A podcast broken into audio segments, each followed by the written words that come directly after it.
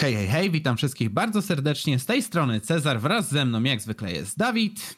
No, cześć, witam. No i witamy Was w kolejnym odcinku naszego podcastu. Pogadajmy sobie, a dzisiaj łohohose, pogadamy, pogadamy o rzeczach, o których się mówić nie powinno. Nie dlatego, że jest jakaś mowa milczenia, tylko dlatego, że się po prostu jeszcze nie przedawniły. Mowa oczywiście o studiach i wszelkich zbrodniach wojennych popełnionych przez tych dwóch panów w ich trakcie. Oczywiście porozmawiamy też troszeczkę na temat tego, jak na te studia się dostawaliśmy, co nas motywowało do tego, żeby tam pójść. Eee, no i no co, wybieramy jakieś ciekawsze historyjki, tak? Mówię, te, które się już przedawniły, więc możemy od nich mówić. No, jakieś um, typy odnośnie matury i tak dalej. Tak, y, y, wielkie haksy. Nie wiem, nie, nie idźcie mą drogą. O, to, to będzie dobry haks.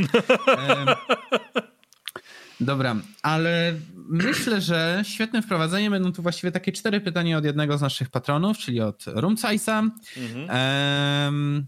No, który właściwie zadał nam idealne wprowadzenie tutaj. Pierwsze pytanie od niego brzmi: czy chodziliśmy na kremówki?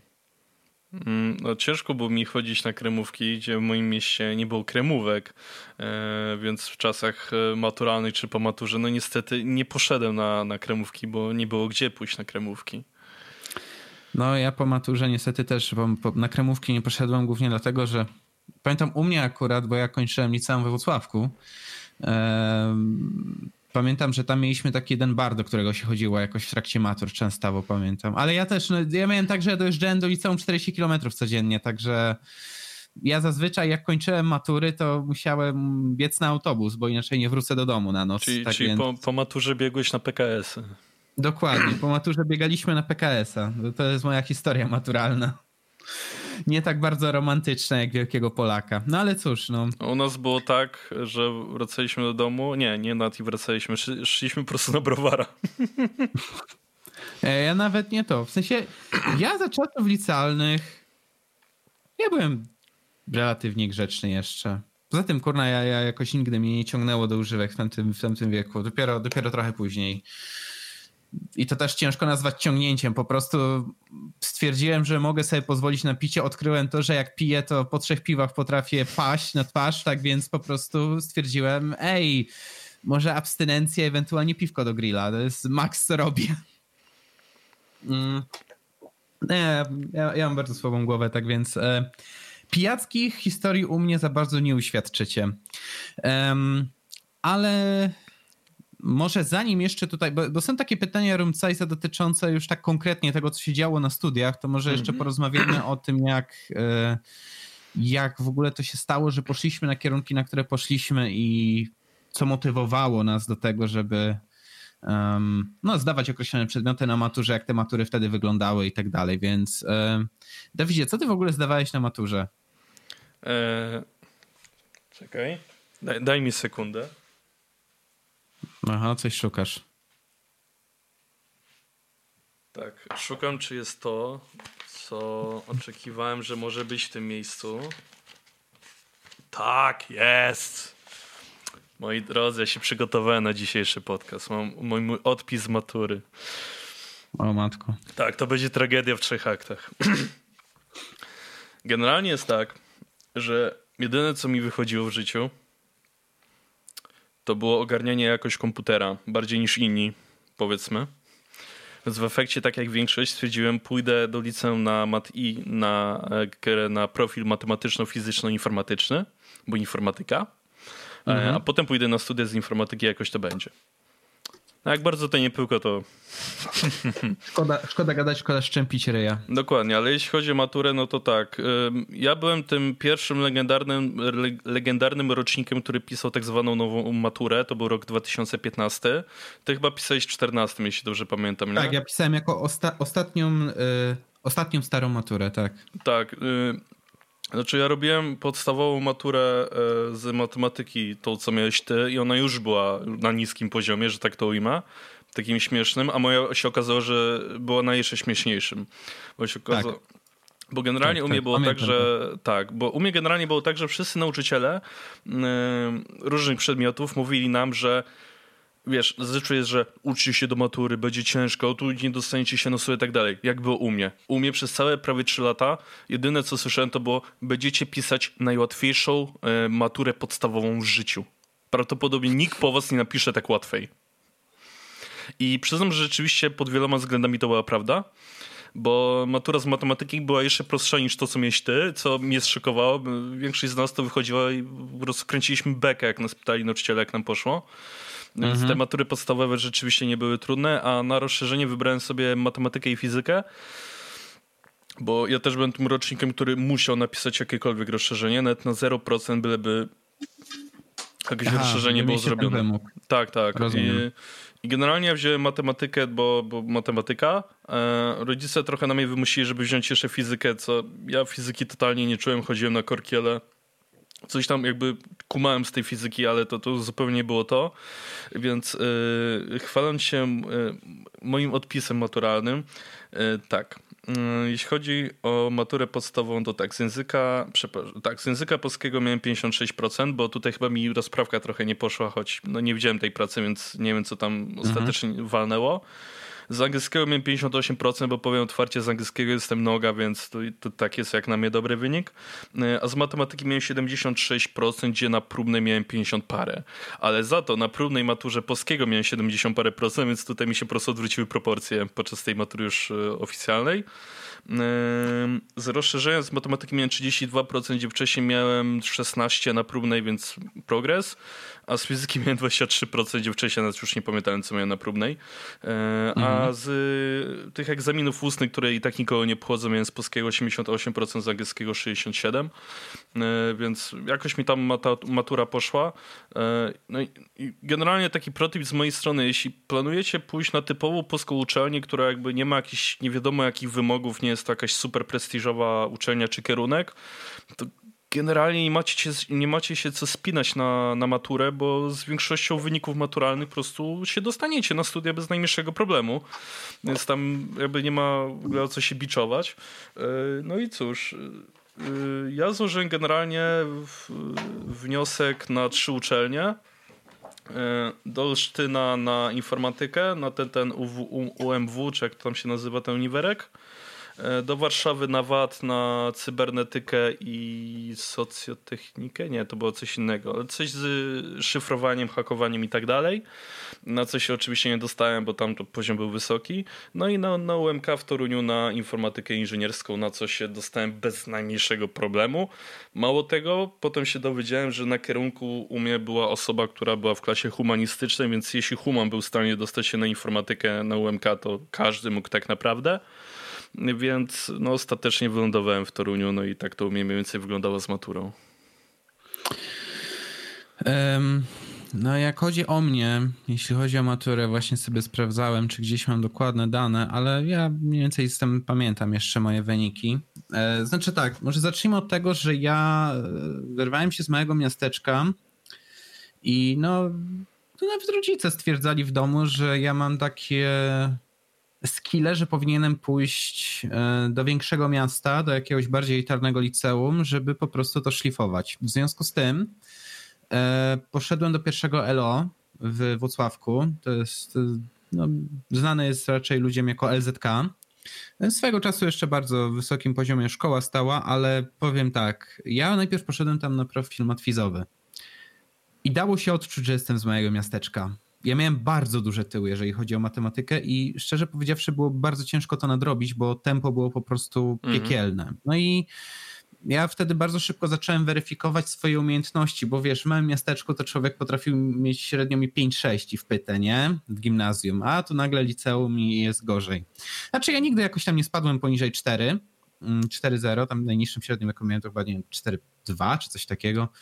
Um, ale tak, szybko odkryłem, że ja nie jestem umysłem w pełni ścisłym. Ja zawsze miałem pewną lekkość w matematyce, ale nie jest to taka lekkość, żebym się już poruszał po tych abstrakcjach matematycznych. I miałem zawsze ciągoty ku, ku no, przedmiotom czy kierunkom humanistycznym. Ja byłem zawsze taki na rozkroku, co nieco tłumaczy, e, dlaczego poszedłem ostatecznie na ekonomię. Bo mhm. to jest moim zdaniem i prawie idealnie pośrodku, bo to jest humanistyczny kierunek, który dodatkowo stosuje dużo narzędzi matematycznych, więc to jest takie idealne pode mnie.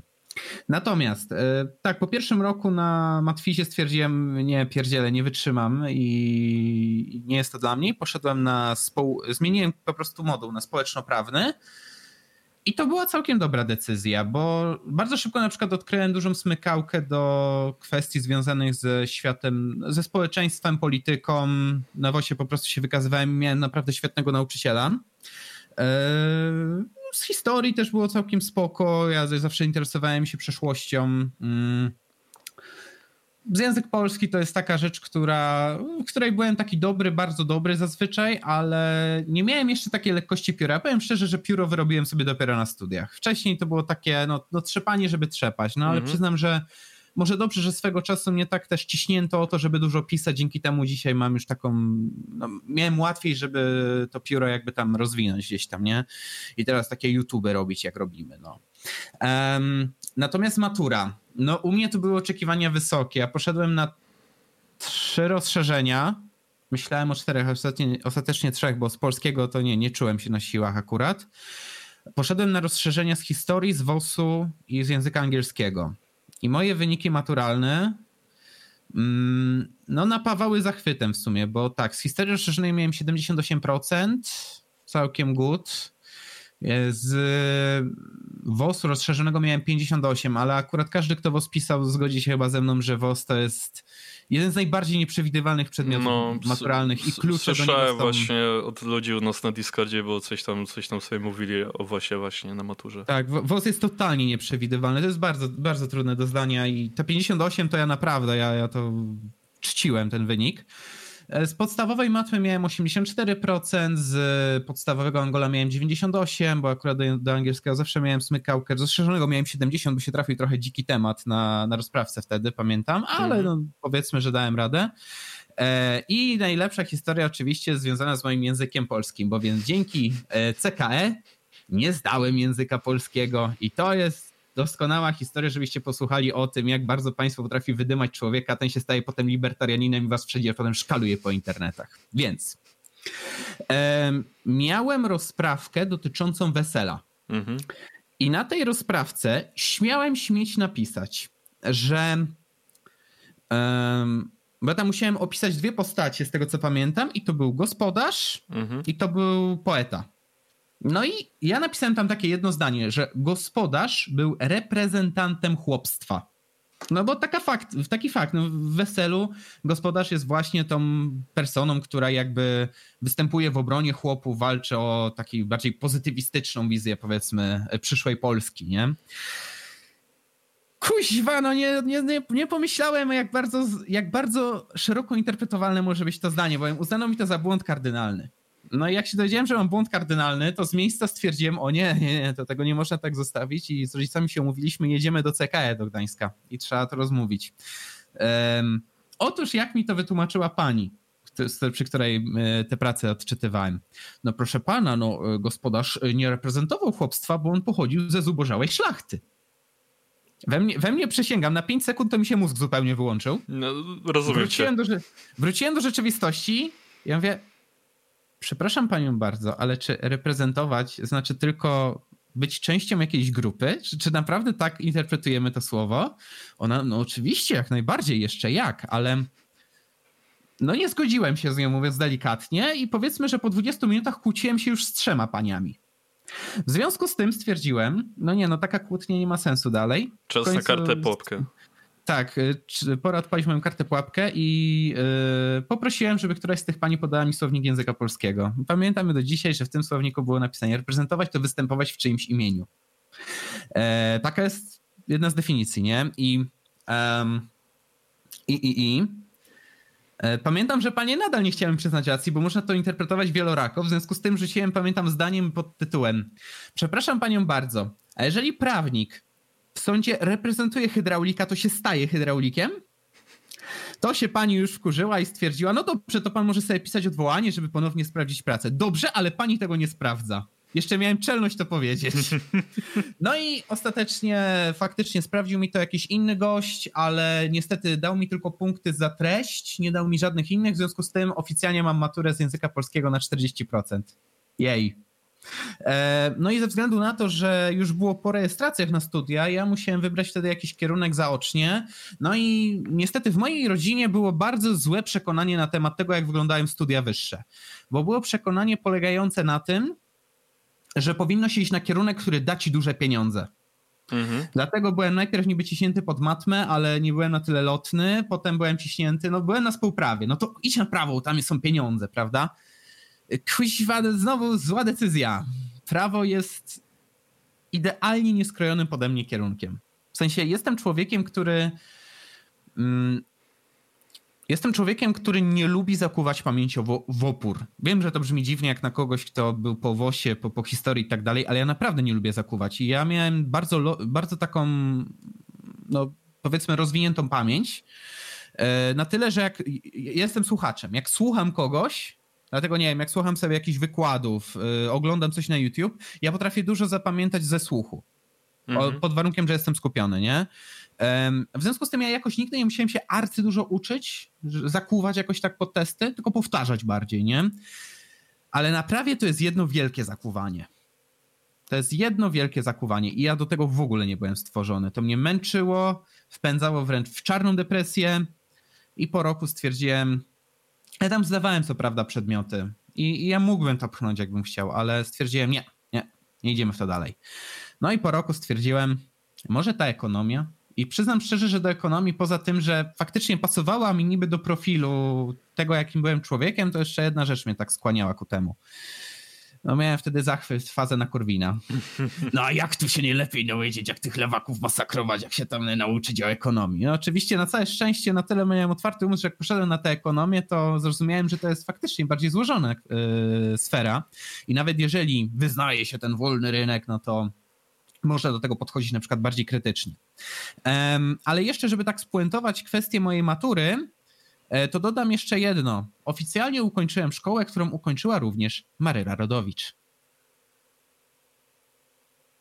Także niech to będzie piękna puenta. I powiem wam tak, jeżeli na maturze jeżeli jesteście właśnie osobą, która ma talenty, ma umiejętności, na maturze wam nie idzie z jakiegoś powodu, bo na przykład jakaś pani z CK źle zinterpretowała wasze słowa, naprawdę nie ma się co załamywać. W sensie ja przeszedłem ten okres ciężko, ale jak patrzę na to teraz z perspektywy, ja naprawdę się cieszę, że miałem wtedy przy sobie swoich rodziców, którzy mnie po prostu cisnęli, żebym cokolwiek robił dalej. Nie należy zatrzymywać się w miejscu, bo wtedy naprawdę człowiek wpada w czarną depresję. No. E, natomiast jeżeli, jeżeli no, nawet na siłę, nawet jeżeli ci to nie sprawia przyjemności, ale idziesz do przodu, faktycznie człowiek po prostu no nie staje w miejscu i ma przynajmniej jakiś taki powiedzmy początkowy rozpęd. Jak już trafi na odpowiednie tory, to leci.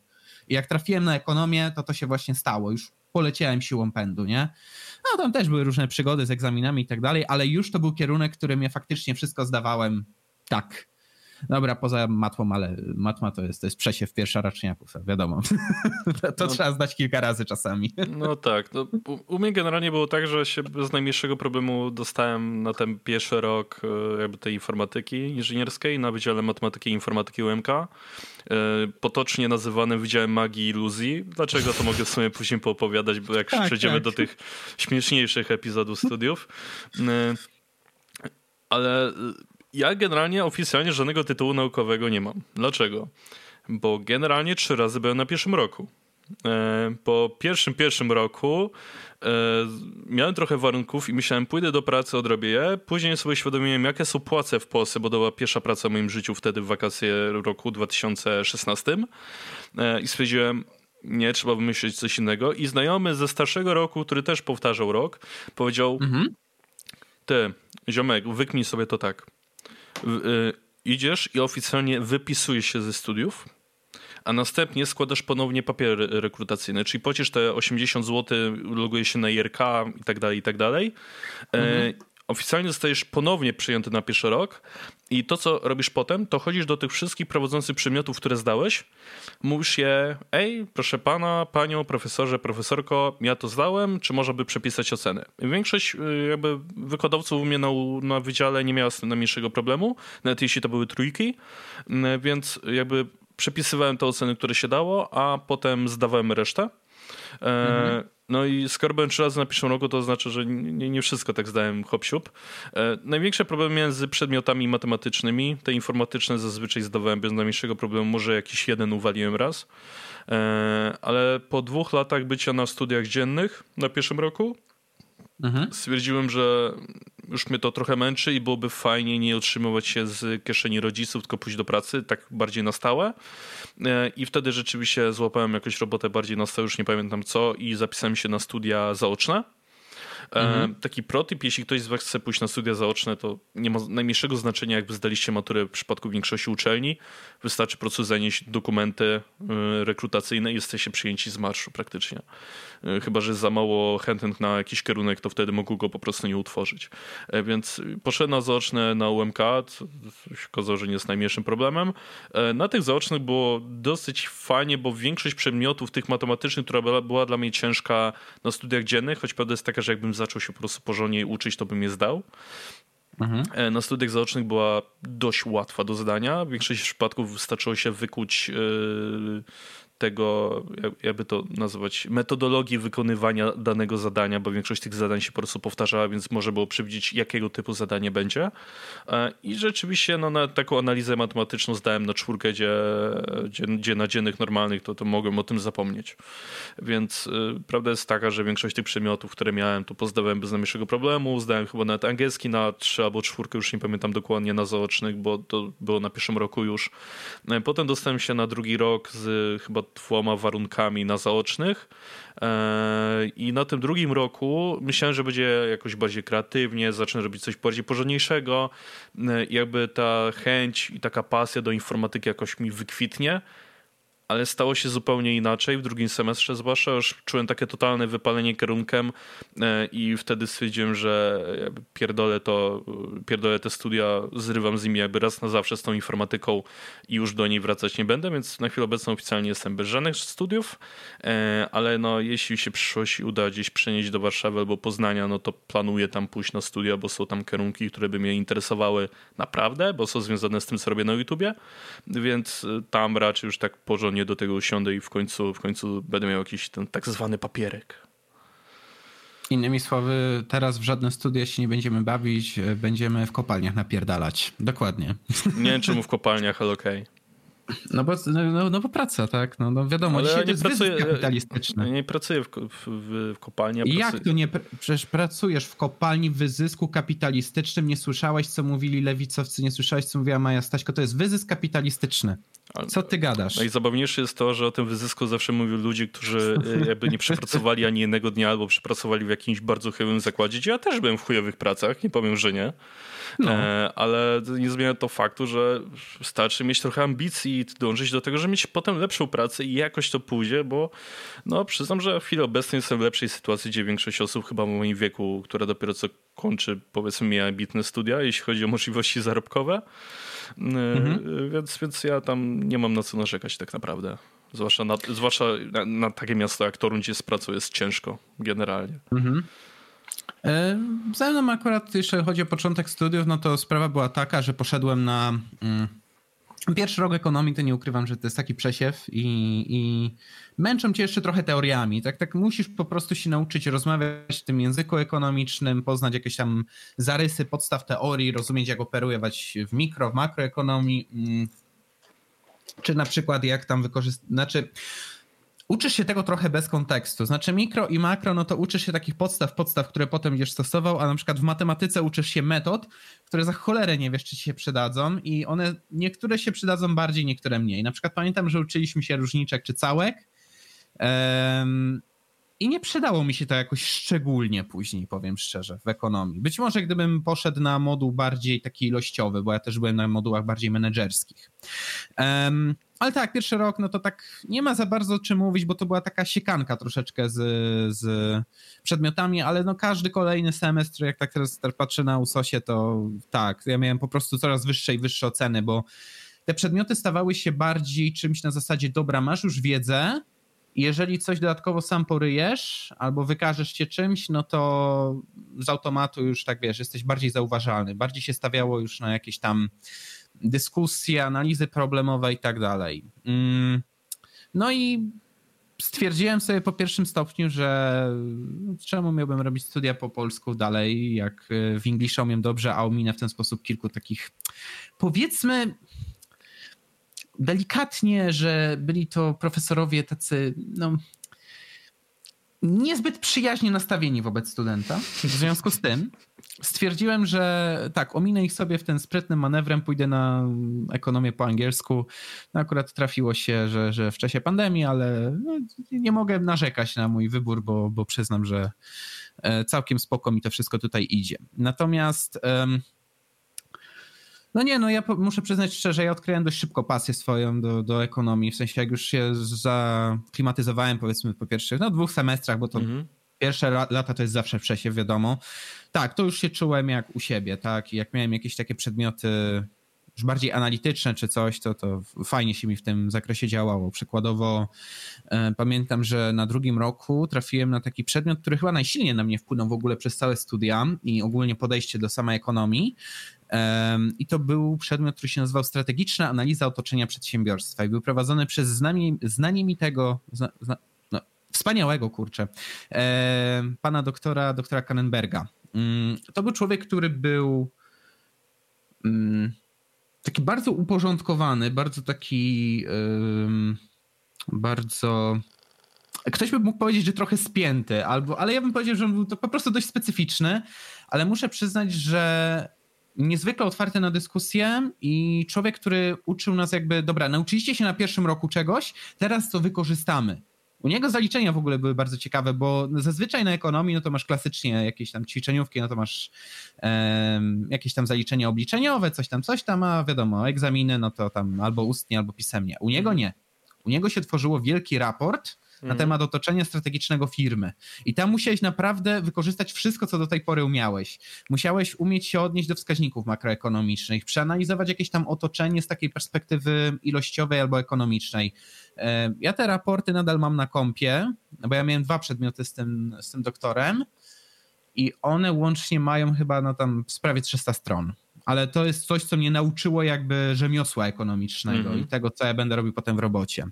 Um, no i co, no, no napisałem, znaczy no, studia ekonomiczne na pewno mnie też otworzyły na em, Toruńską Szkołę Myśli Ekonomicznej, bo chyba tylko tak to można wyrazić. E, oczywiście otworzyły mnie też na myśl austriacką na przykład. Ja tutaj byłem całkiem aktywny w wielu kołach naukowych, e, między innymi no, na kołach, które się poznaliśmy, czyli najpierw na kole myśli wolnościowej, później na e, klubie Austriackiej Szkoły Ekonomii, prawda? E, no i tak, no, no, no wkręciłem się powiedzmy w tą, tą lipkową imprezę, która tutaj trwa w Toruniu od lat, od lat, tak? No, tak w skrócie rzecz ujmując, od drugiego roku na studiach ekonomicznych jeszcze czułem naprawdę fajnie. Yy, pomimo tego, że tam jakieś perturbacje życiowe miały miejsce po drodze, to yy, tak, to jest, to jest kierunek, który ewidentnie jest idealnie mnie, pode mnie skrojony i no i cóż, no jeżeli jeżeli ktoś wybierze kierunek studiów, uwzględniając to, jakie ma umiejętności, zainteresowania. I nawet jeśli cię motywuje coś tak błahego, jak to, że o kurwa, masakruje lewaków, ja też chcę, naprawdę możesz się odnaleźć. Tylko zachęcam do pozostawienia sobie otwartej głowy i dostrzeżenia, że to, co mogłeś postrzegać w taki bardzo uproszczony sposób, jak szedłeś na te studia, może być troszeczkę bardziej skomplikowane, jak już w te studia się wbijesz, nie? E, no dobrze. Ale to taki ogólny zarys. Mm, Mhm. To może, jeszcze teraz tak zahaczę o drugie pytanie od Rumcajza. E, pytanie, jakie najzabawniejsze akcje pamiętamy związane ze studiami? E, w sumie mógłbym przygotować dwie. Jedna związana bezpośrednio ze studiami, a druga z takimi rzeczami wokół studiów, ale to, to może ty opowiedz, bo, no, znaczy możesz a. opowiedzieć, bo też mam jakieś takie śmieszkowe nawet historie z liceum, które przeżyłem i ze studiów, więc ja, ja ewidentnie poprowadzę tu trochę dłuższy monolog. Dobra, to, to tak. Ja najpierw muszę opiszę taką sytuację, którą miałem na przełomie e, drugiego i trzeciego roku ekonomii. E, była taka sytuacja, że e, ja wtedy przez takie wydarzenia życiowe ja naprawdę miałem okres depresji. Taki naprawdę czarnej depresji. Ja przez całe wakacje między drugim a trzecim rokiem ja praktycznie spędzałem w łóżku. E, gdyby znowu nie to, że rodzice mnie trochę wypchnęli ku temu, żeby tam, bo musiałem zrobić praktyki zawodowe, coś tam, no to ja bym praktycznie, wiesz, przeleżał całe wakacje wtedy. Ale tam mi jeszcze jakaś poprawka wisiała, coś tam. I we wrześniu, o dziwo, nagle mi ten stan tak jakby zupełnie minął, wyparował. Mhm. Ja przez tydzień się zmobilizowałem do nauki, zdałem wszystko jak należy. Um, no i kurczę, ja wtedy mieszkałem z takim jednym gościem, z którym mieliśmy szukać mieszkania. Mhm. I kwestia była tego typu, że y, no ja już miałem wszystko czyste, a on jeszcze nie miał a ja już chcieliśmy szukać mieszkania, bo jak on by nie zdał tam jednego przedmiotu, to by w ogóle miał wykasowane dwa lata studiów. -hmm. W ogóle cofnąłby się tak, do początku. Tak, tak, no bo tak działają warunki, no.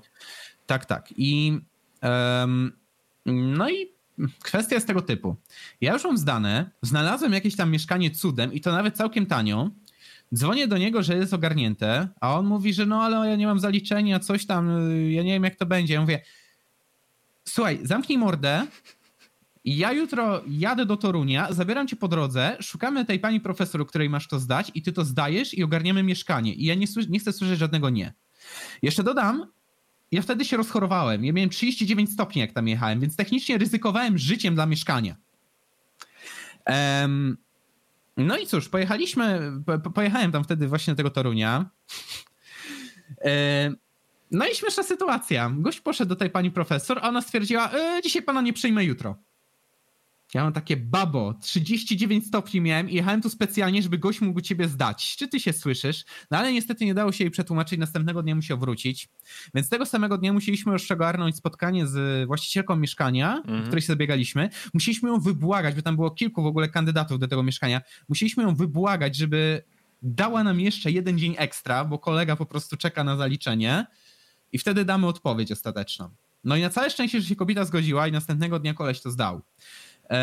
Ja wiem, że to nie jest może jakaś arcyśmieszna sytuacja, ale powiem szczerze, jak wspominam no, sobie, że ja, że ja to dokonałem mając 39 stopni gorączki w temperaturze przekraczającej na zewnątrz 30 stopni, bo to był akurat bardzo upalny wrzesień, e, tak, ja jestem z siebie całkiem dumny i powiem szczerze, że połowy tych wydarzeń to ja już nawet dokładnie nie pamiętam. One się po prostu wydarzyły.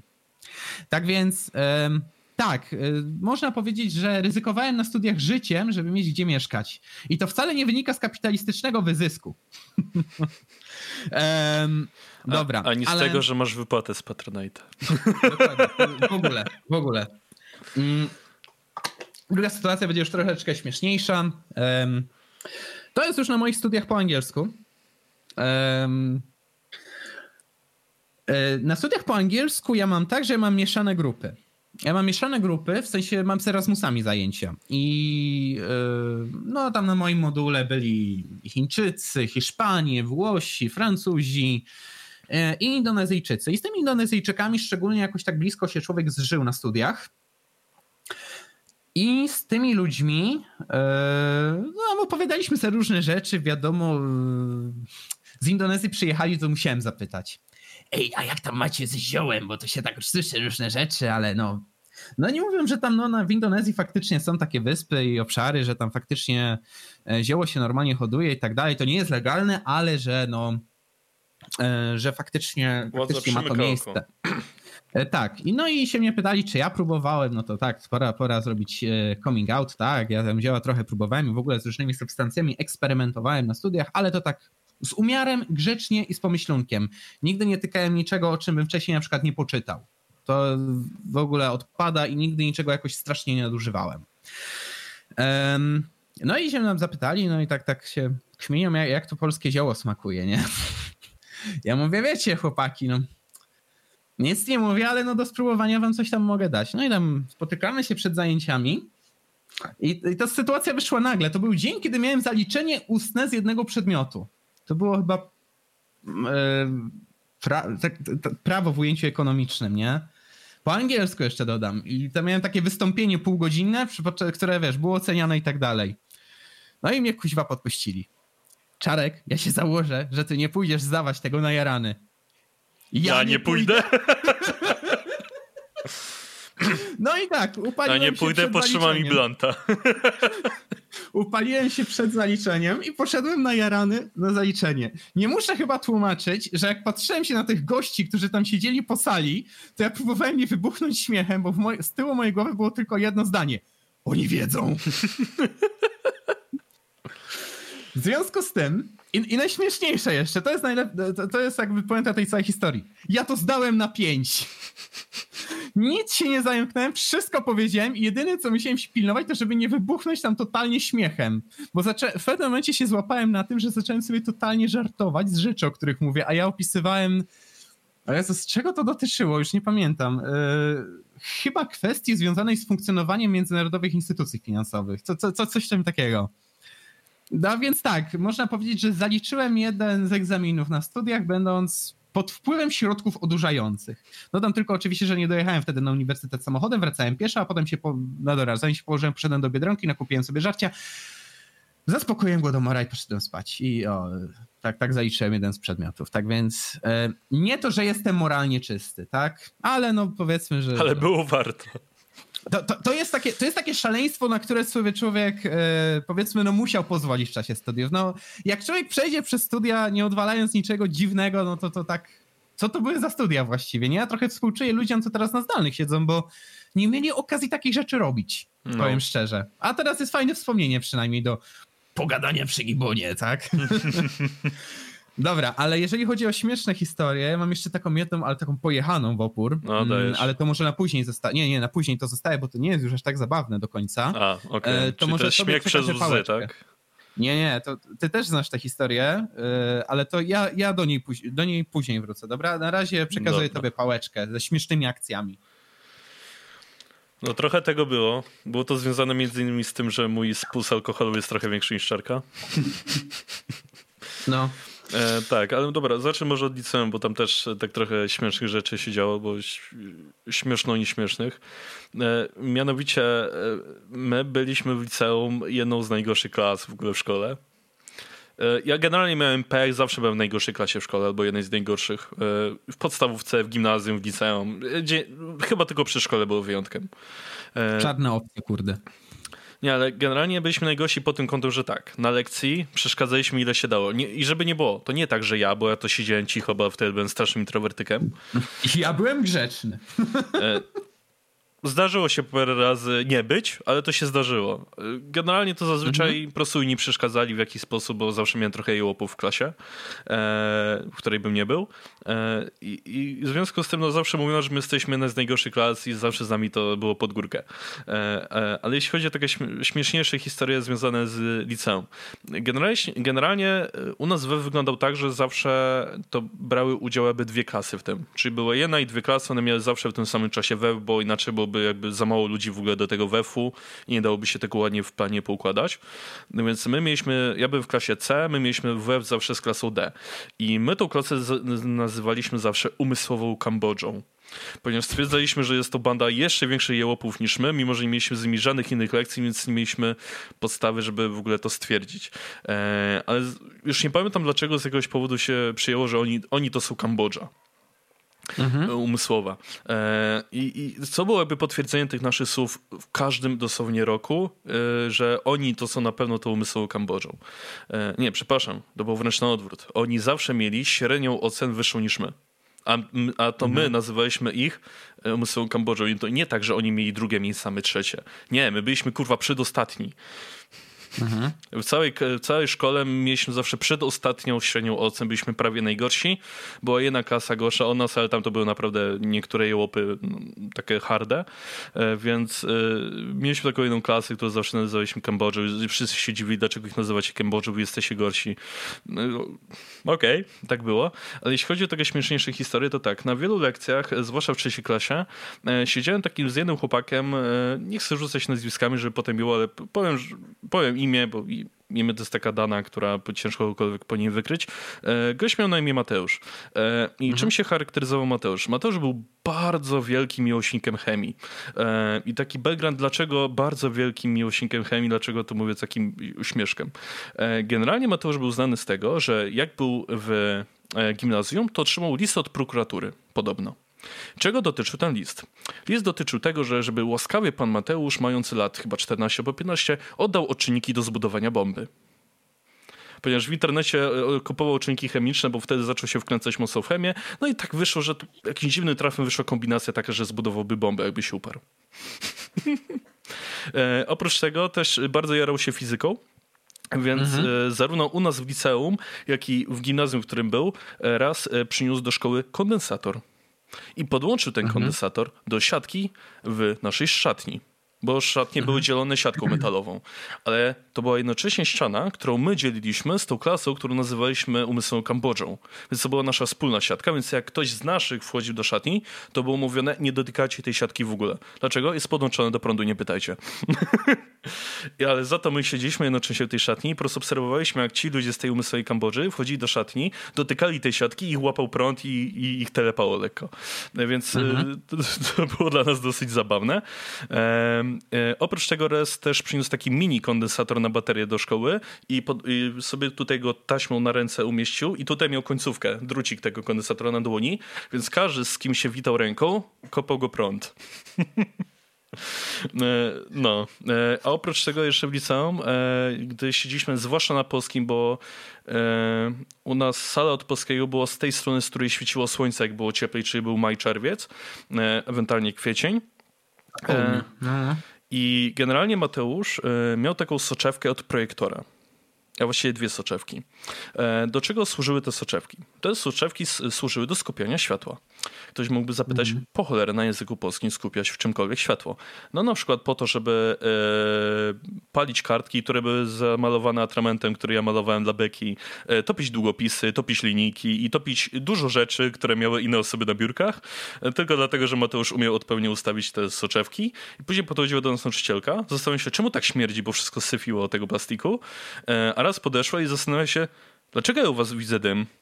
A Mateusz, nie, nie, nic, wszystko schował. I my generalnie, każda klasa, pierwsza, druga, trzecia, bo zawsze z nimi siedziałem chyba, jeśli dobrze pamiętam, e, te miesiące takie cieplejsze, to było topienie i palenie rzeczy na biurku. Wystarczyło, Każdy wiesz, ma jakieś hobby. Tak, wystarczyło wziąć kartkę, zamalować ją całą atramentem i to już była taka baza, która zaczynała tak się kopcić lekko.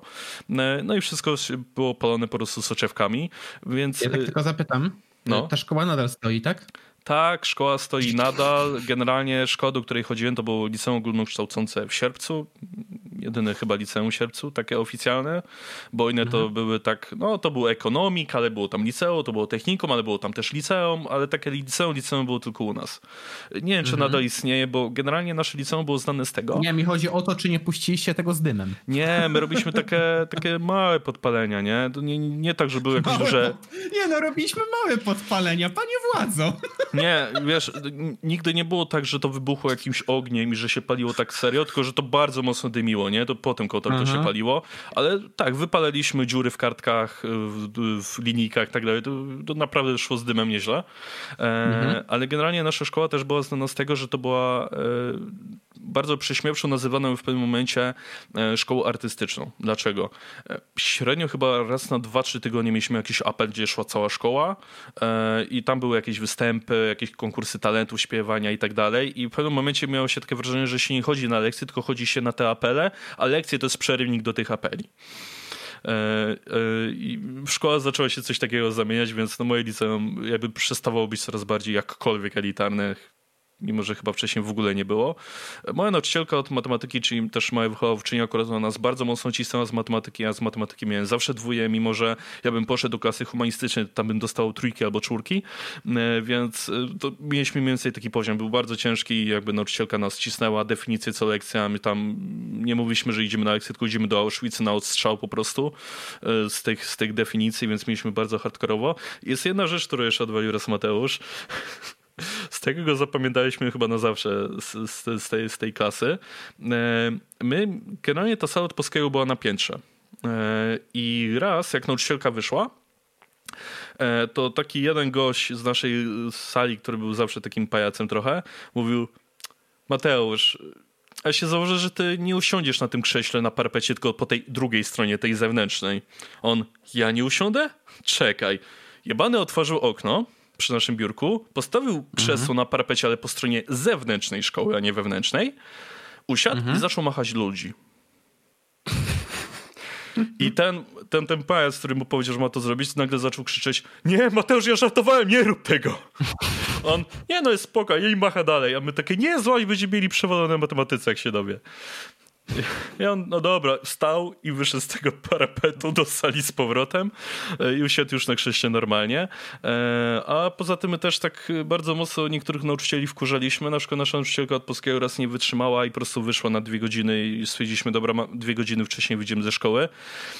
Mhm. Matematyce odczuliśmy, jak bardzo to był zły pomysł, bo mieliśmy przeorani z definicji wszystkich, które się dało. Poszło chyba wtedy z 21 do całej klasy, e, więc e, no, odczuwaliśmy to bardzo mocno i po tym kotem byliśmy naprawdę powaloną klasą, że mieliśmy kilku ludzi, którzy naprawdę odwalali e, mocne szajsy na wielu lekcjach.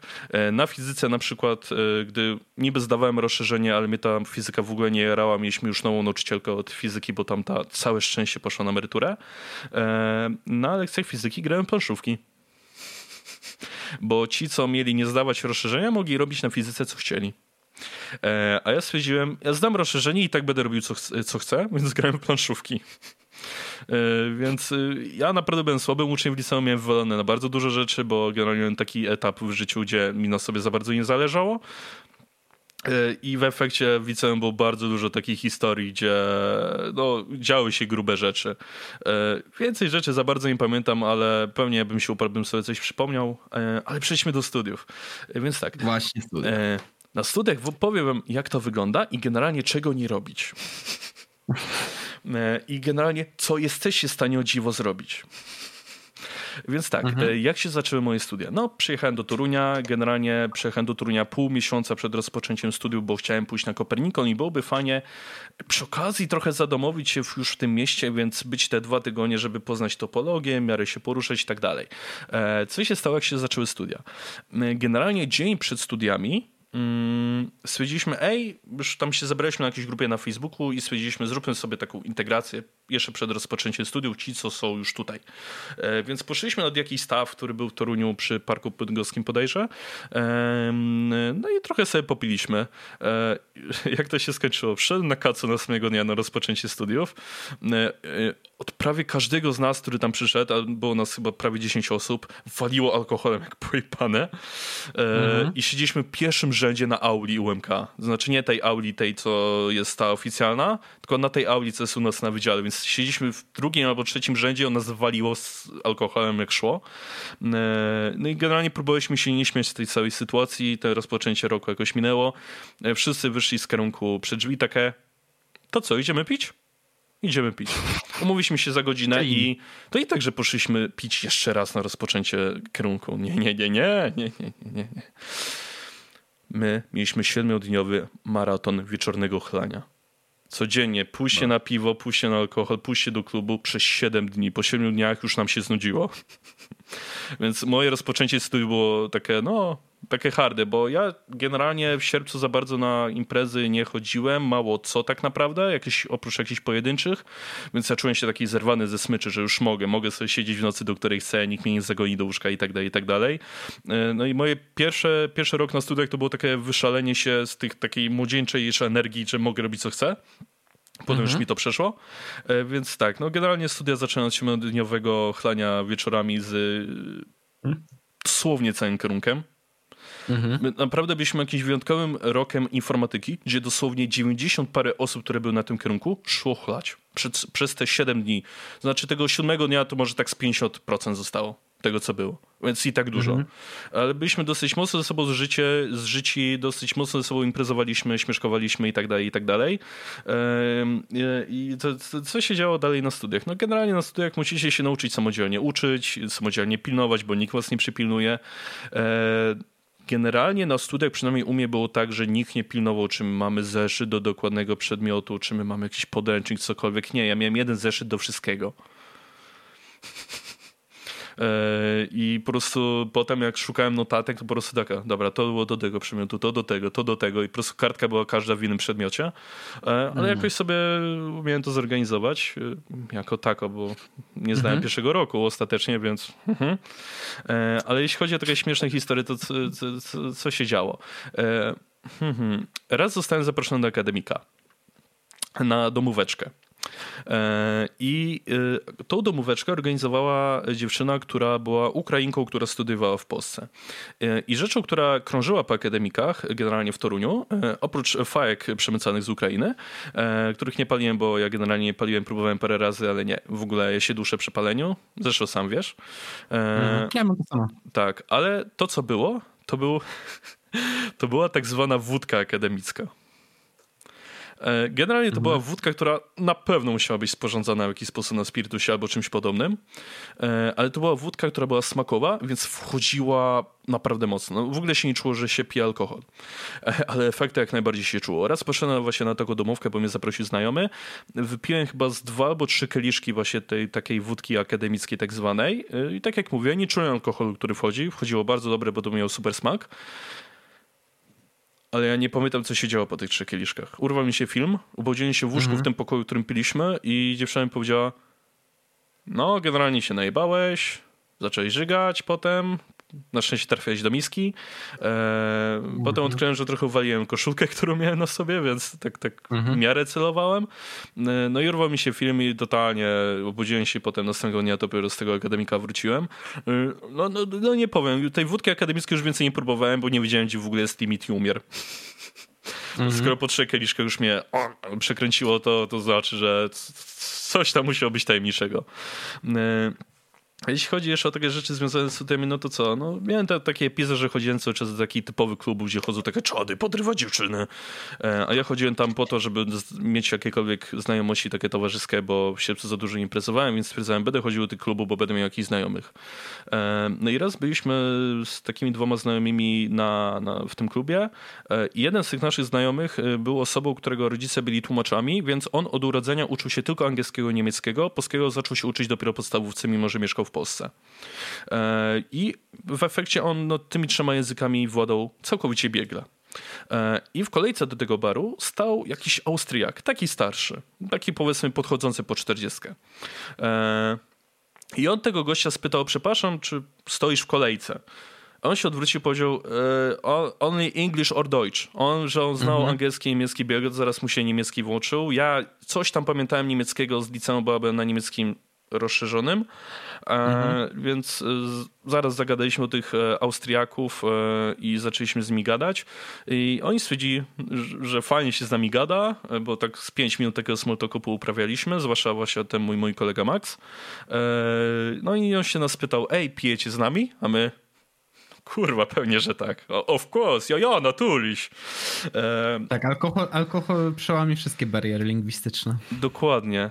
E, no i co, co, kupili ci Austriacy, bo ich było dwóch? E, kupili nam w wanience z lodem wódkę i cztery Red Bulle. My robiliśmy takie, takie drinki, tak, że energetyk tak. z wódką. To się, to się jakoś nazywa. E, znaczy wiem, że połączenie Jägermeistra z energetykiem to, to są Jägerbomby, tak, ale... ale... tam to po prostu były jakieś drinki, tak? Że Red mhm. Bull plus wódka plus, e, plus woda, bo to było ważne, że była też woda. Mhm. E, no i generalnie my tam siedzieliśmy i sobie piliśmy te drinki. Drinki te wchodziły super, w ogóle się nie czuło tej wódki. I tak piuliśmy to na tyle z umiarem, żeby sama wódka jakby nie powodowała, że jesteśmy jacyś nawaleni. No i oczywiście co się dzieje po alkoholu? No tak jak wspomniałeś, umiejętności lingwistyczne robią stonks. I u mnie też zrobiły. Mhm. Zrobiły na tyle, że gadając z tym Niemcem, e, to, co pamiętałem, mówiłem po niemiecku, a to, co nie pamiętałem, mówiłem po angielsku, bo część rzeczy i słówek kojarzyłem z niemieckiego, a część z angielskiego, więc mówiłem takim łamanym niemiecko-angielskim. E, Hybrydą. Tak, ale gość mnie całkowicie rozumiał i on mówił do mnie tylko po niemiecku i ja go całkowicie kumałem. Mhm. E, całkowicie jakby rozumiem konteksty zdań, co miał na myśli i tak dalej, więc, więc tam było spoko. No i teraz ktoś zapyta, ej, ale no na pewno ta wódka, którą dostaliście w Wanience się w końcu skończyła. No tak. E, I co się wtedy mówiło? E, jeden z tych ostrików miał na imię Franz. E, więc mówiło się Franz, mein Freunde, keine wódka. On mówił keine problem, nicht problem, my friend. I szedł po kolei. No, my, my de facto za darmo, nie, kupiliśmy chyba pół litra tak, żeby było, że my coś kupiliśmy cokolwiek, ale cała mhm. reszta imprezy to oni cały czas stawiali. Więc my tam siedzieliśmy, potem jakieś jeszcze dziewczyny dołączyły jakieś randomowe, bo hehe, darmowe alkohol i Austriacy. E, mhm. No i my tam piliśmy do zamknięcia klubu, czyli chyba gdzieś do piątej rano i to nie tak, że byliśmy jakiś nawaleni. Ja w ogóle nie byłem nawalony, ja byłem lekko podpity, ale to naprawdę dobrze wchodziło i powodowało, że był na dobrych obrotach. E, no i skończyło się tak, że sam właściciel klubu nas wyprosił, bo już koniec imprezy, a my dalej walimy. E, no i generalnie wyszliśmy, podziękowaliśmy sobie, rozeszliśmy się tam, odprowadziliśmy tych Austriaków. Okazało się, że e, ci Austriacy byli prawnikami, i pokazali nam. oni dobrze walą alkohol, to Tak, fakt. i pokazali nam stan konta, bo się stwierdzi, że się pochwalą, i tam było milion kurwa euro. Okej. Okay. Więc to, to, takie, to była naprawdę mocno zakrapiona impreza, gdzie naprawdę tam limitów nie było nigdzie. E, no i się skończyło tak, że gdzieś koło 7 rano wróciłem do, na swoją stację na piechotę, bo nie wiem, jakoś wybitnie daleko ze starówki. E, mhm. I następnego dnia, to znaczy następnego, tego samego, e, miałem zajęcie na 13 i stwierdziłem, okej, okay, nie ma sprawy, stanę na 13. Bo generalnie nawet jak szedłem spać bardzo późno, 4 rano, to i tak spałem mhm. po parę godzin, stawałem 9, 10, 11 max. E, mhm.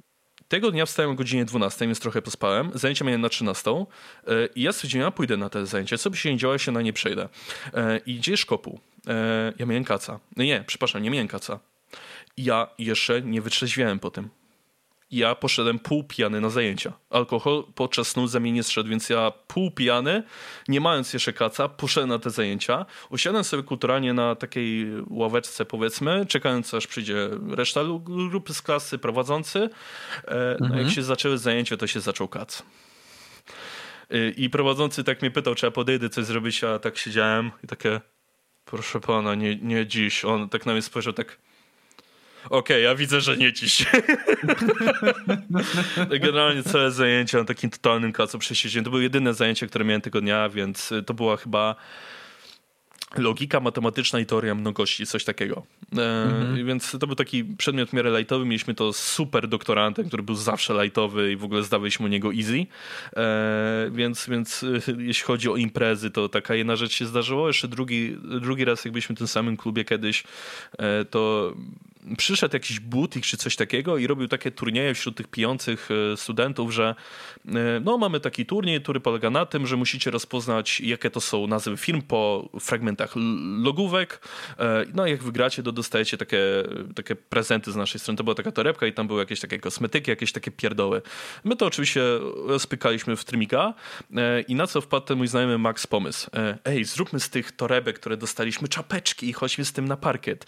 No to wszyscy założyliśmy te te czapeczki, poszliśmy z tym na parket, jeśli dobrze pamiętam. E, okazało się, że wszystkim odjebało, zaczęli nosić kurwa to jako czapeczki i w ramach tego właściciel klubu albo jakiś menadżer też przyszedł do nas i stwierdził, że da nam stolik e, VIP-owski i też darmowy alkohol, więc to był kolejny dzień, kiedy piliśmy za darmo. Prawie. Kurwa. No więc. Znaczy, przyznam szczerze, że ja nie miałbym wytrzymałości, żeby do takich bonusów nawet yy, aspirować. No to ja miałem te wytrzymałości, bo głównie waliśmy drinki, a w przypadku drinków to ten alkohol wchodzi trochę mniej, e, więc jakby da się to jakoś wytrzymać. E, więc jeśli chodzi o takie historie klubowe, to było to. Jeśli chodzi o historie związane stricte z uczelnią, e, to tak. E, generalnie, jeśli macie możliwość dostać 3 albo 3,5, tylko musicie jakieś pierdoły się nauczyć, to w wielu przypadkach polega, polecam wam nie być tą ambitną osobą. I już tłumaczę dlaczego. E, mieliśmy tam przedmiot, który właśnie był to logika matematyczna i teoria mnogości. Czegoś tak się nazywał. E, to był pierwszy rok informatyki e, i generalnie zdawanie kolokwium tam było epickie. Ja nie będę mówił ani imienia, ani nazwiska tego doktoranta, żeby on nie miał problemów, jeśli ciekolwiek, ktokolwiek się dowie o tym podcaście. E, ale generalnie e, kolokwium wyglądało tak, że dostaliśmy jakieś tam zadania do wykonania, bo wiadomo mniej więcej jakie to będą zadania, czy jaki typ zadań. E, ja się oczywiście do tego kolokwium jakoś wbitnie dużo nie uczyłem. Mhm. Poszedłem tam na zasadzie albo ściągnę, albo poprawka. No i generalnie rzeczywiście było tak, że trochę tych zadań nie porobiłem, trochę porobiłem, albo nie wiedziałem czy dobrze w zasadzie, bo nie pamiętałem tak dokładnie tych metodologii, ale co robił pan doktorant? Pan doktorant był bardzo łaskawy i on brał pracę danego studenta, czyli on sprawdzał to od razu i mhm. mówił, y, zaznaczył błędy, gdzie są błędy w jakichś zadaniach i też starał się tak naprowadzić, jak te błędy rozwiązać. Y, I co potem robił? Potem robił, pan sobie usiądzie tutaj przede mną i sobie to poprawi. Więc w efekcie mogłeś jakby zrobić poprawkę od razu i zdać za pierwszym, bo chyba temu doktorantowi na tym zależało, żeby nas jak najszybciej odwalić. E... I co ja zauważyłem, że ten doktorant bardzo mocno skupia się na sprawdzaniu tych prac i rozmawianiu z tymi studentami, co mają poprawić, a że nas trochę było, to trochę to trwało. A że ja stałem mhm. pod koniec kolejki, a aż było parę osób, co miało już coś poprawić, to co ja zrobiłem? Ja usiadłem koło jednego z tych moich kumpli ze studiów i stwierdziłem, pokaż, zrobiłeś już? No, weź pokaż na chwilę i zacząłem spisywać te zadania, które były poprawnie wykonane i wiedziałem, że są dobrze, bo on je pozytywnie ocenił. A te, mhm. które są poprawione też wiedziałem, że są dobrze, bo przecież powiedział, jak je poprawić. Czy tam naprowadził właściwie. Więc w efekcie ja od trzech osób spisałem te zadania, które wiedziałem, że albo gdzieś coś skopałem, albo ich nie miałem i potem poszedłem z tym do tego prowadzącego, oczywiście nie spisałem dosłownie wszystkiego, żeby nie było, że nagle jestem jakiś ultrainteligentny, bo to byłoby po prostu podejrzane, tak? Ja byłem mało ambitny, ja chciałem trzy i zdać, ok? E ja poszedłem do tego prowadzącego i on zaczął sprawdzać tą pracę, sprawdza, sprawdza i mówi, e, no panie Dawidzie, jakby pan się nauczył takiej tam definicji, to były dosłownie dwa zdania tej definicji, e, tego i tego, to e, ja panu zamiast, ja panu dam 3,5 ocenę końcową. Pan przyjdzie następnego dnia i mi to powie, po prostu. A tak stoję i tak mówię do niego, a proszę mi powiedzieć, jeśli ja nie przyjdę i nie nauczę się tego, zrezygnuję z tego, to będę miał po prostu trzy, prawda? On? No tak, ale chyba wolałby pan mieć 3,5, prawda? Ja mówię, proszę pana, ja, ja nie idę na żadne stypendium, mi na tym nie zależy, jakoś ja nie walę sobie konia do tych średnich, ja chcę, proszę pana, po prostu zdać. I on tak na mnie popatrzył takim wzrokiem, um, tak przez parę sekund, takim, takim normalnym, takie, hmm, ma pan tupet, dam panu te 3,5. I spojrzeli na mnie dosłownie wszyscy z mojej grupy, którzy się godzili na douczenie tych definicji, żeby dostać 3,5. Takim wzrokiem typu Jeba. Ty chuju. Znalazłem jeden prosty trik, żeby dostać pół oceny. Więcej nie robię całkowicie nic. Więc nie dość, że zdałem ten przedmiot na totalnej wyjebce, to, to jeszcze pociągnąłem sobie pół oceny, po prostu stwierdzając, że nie, nie chce mi się po prostu. Mm. Więc, więc jakby ogółem e, takie protipy na studiach. Musicie wyczuć prowadzącego, bo niektórych da się naprawdę zajebiście ściągać. Mało tego, są prowadzący, którzy dają dokładnie te same kolokwia co rok. W efekcie, i to nie te same kolokwia, że ten sam typ zadań, te same zadania. Nie. Te same, tak. Tak, więc zdarzy. w przypadku niektórych prowadzących, ja akurat na takich nie wpadłem, ale miałem znajomych, którzy pisali gotowce. Mhm i po prostu oddawali gotowca, pyk, pyk, zdane. Jeśli chodzi jeszcze o takie śmieszne historie na studiach, to mam dwie jeszcze, takie. Mi jeszcze jedną przypomniałeś, teraz tak no. tylko na szybko ją wtrącę, bo to jest no, no, dosłownie momentalne, bo przy zaliczeniu raz jednego przedmiotu pamiętam, że e, ja stwierdziłem, że ja tego dnia mam zajebisty humor i mi się nie chce zdawać za długo. I babka mi zadała pytanie – bo to było jakieś tam zarządzanie zasobami ludzkimi przedmiot. E, panie Czarku, proszę mi opisać, to były takie cztery modele mhm. organizacji firmy, zależ, uzależnione od tego, jak bardzo zorganizowane jest szefostwo i jak bardzo zorganizowani są ludzie pracujący w firmie, nie? Mhm. I ja stwierdziłem, kurna, mam genialną odpowiedź w głowie i ja jej to rzucę, ona zrozumie, że to żart i ona mi postawi piątkę. Ja byłem tego pewien. Stwierdziłem, Pani doktor, oczywiście można się tego uczyć w jakiś sposób skomplikowany, jednakże ten model idealnie można opisać analizując wydarzenia w Rosji, która traciła tytuł carskiej, a zyskiwała tytuł radzieckiej. Ona tak na mnie patrzy, co jest do kurwy nędzy, nie? A ja mówię, no proszę popatrzeć, na przykład, jak mamy słabą organizację władzy, a silną organizację ludu, no to będziemy mieli rewolucję, prawda? No i wtedy firma jest ewidentnie niefunkcjonalna. Ale na przykład, jeżeli mamy silną koncentrację władzy, silną władzę, ale będziemy mieli słabo zorganizowanych pracowników, no to mamy niską motywację do pracy. Dosłownie mamy Rosję jeszcze za czasów Mikołaja II, jak już się sypała. A jak mamy wszystkich świetnie zorganizowanych, to mamy świetnie prosperujące państwo. No i przyznam, tutaj Rosja nie ma akurat zastosowania, bo Rosja tak świetnie prosperująca to raczej nigdy nie była. Ona tak na mnie patrzy. Ma pan pięć, do widzenia. Jeden prosty trik. Tak, jednym prostym trikiem. E, tak, jeżeli wyczujesz, że jakiś prowadzący jest po prostu Lajtowy. Może lubi po prostu poczucie humoru, jest lajtowy, lubi porozmawiać. Często jak proszę cię na ustny, to oni są raczej tacy lajtowi, tak szczerze powiedziawszy, w rozmowie. E, no przynajmniej na takich ja trafiałem. To tak, można wygrać tym, że jest się po prostu nieszablonowym. I, I że idziesz troszeczkę wbrew temu, do czego są przygotowani. Bo oni są przygotowani, że będą pytać przez dwie godziny, zaskoczyć ich czymś takim. Jezu, robisz im nie dość, że pół dnia, potem będą mogli tam opowiadać, nie wiem, żonie, mężowi, komukolwiek w domu i dostajesz piątkę. Kurna, jeden prosty trik, naprawdę. To są tylko ludzie. No, dokładnie. Rzeczywiście, tytułów, tytułów potrafią mieć więcej niż Polska miała zaborców, tak? Także no. E, tak, ale wracając w sumie na studia, jeszcze takie, takie powiedzmy śmiesznostkowe historie. Mhm. E, teraz czekam, muszę sobie poukładać to po kolei. Okej, okay, mam. E, mieliśmy taki przedmiot, który nazywa się, bo nazywał się algebra i coś tam dalej, już nie pamiętam. Generalnie chodziło mhm. o macierze, liczenie macierzy, transformację macierzy, później pierścień liczbowy, czyli czarna magia, do której do dzisiaj nie rozumiem. E, Macierze są wpyte. Macierze były jeszcze ok, ale jak zaczęły się przestrzenie, pola i pierścienie liczbowe, A, to miałem takie... takie... Co no. do kurwy. Tak, to jest takie. Wyższy poziom abstrakcji, którego mój mózg nie obejmuje. E, znaczy, to, to jest coś, co potrzebujesz tej wyobraźni do bardzo rozszerzonej matmy. To jest tak. fakt akurat. E, tak, ale wracając. E, generalnie prowadził nam to profesor. I ten profesor nie był jakiś ultra ciężki, ale trochę się go baliśmy chyba przez to, jakby mi mocno nie zależało na tym przedmiocie, że tak to imię, e, ale mieliśmy takiego tam znajomego, nie będę mówił jego imienia ani nazwiska, powiedzmy, że dam e, najbardziej przykładne polskie nazwisko, powiedzmy Kowalski. Mhm. Więc był tam ten, powiedzmy, Kowalski. I mieliśmy tak pewnego dnia taką lekcję i bardzo często nasz profesor nas jakby pytał jakiejś definicji albo jak zrobić dane zadanie, takie jakieś rzeczy, których się go wtedy najbardziej baliśmy, bo nie widzieliśmy w zasadzie jak mu dobrze odpowiadać. No i on, ten profesor wziął do odpowiedzi właśnie Kołaskiego, poprosił go o coś tam. On oczywiście powiedział to albo pokracznie, albo nie był w stanie tego powiedzieć prawidłowo.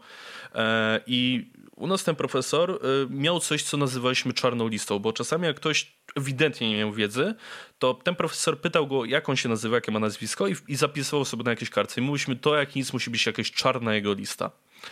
E, mhm. I on poprosił właśnie tego Kowalskiego, żeby powiedział swoje nazwisko, żeby on mógł go zapamiętać. E, I on stanął taką pozą, taką o, wywyższającą się i powiedział Pan Kowalski. A my siedzimy obok niego, wszyscy facepalmy takie po cichu coś ty odpierdolił.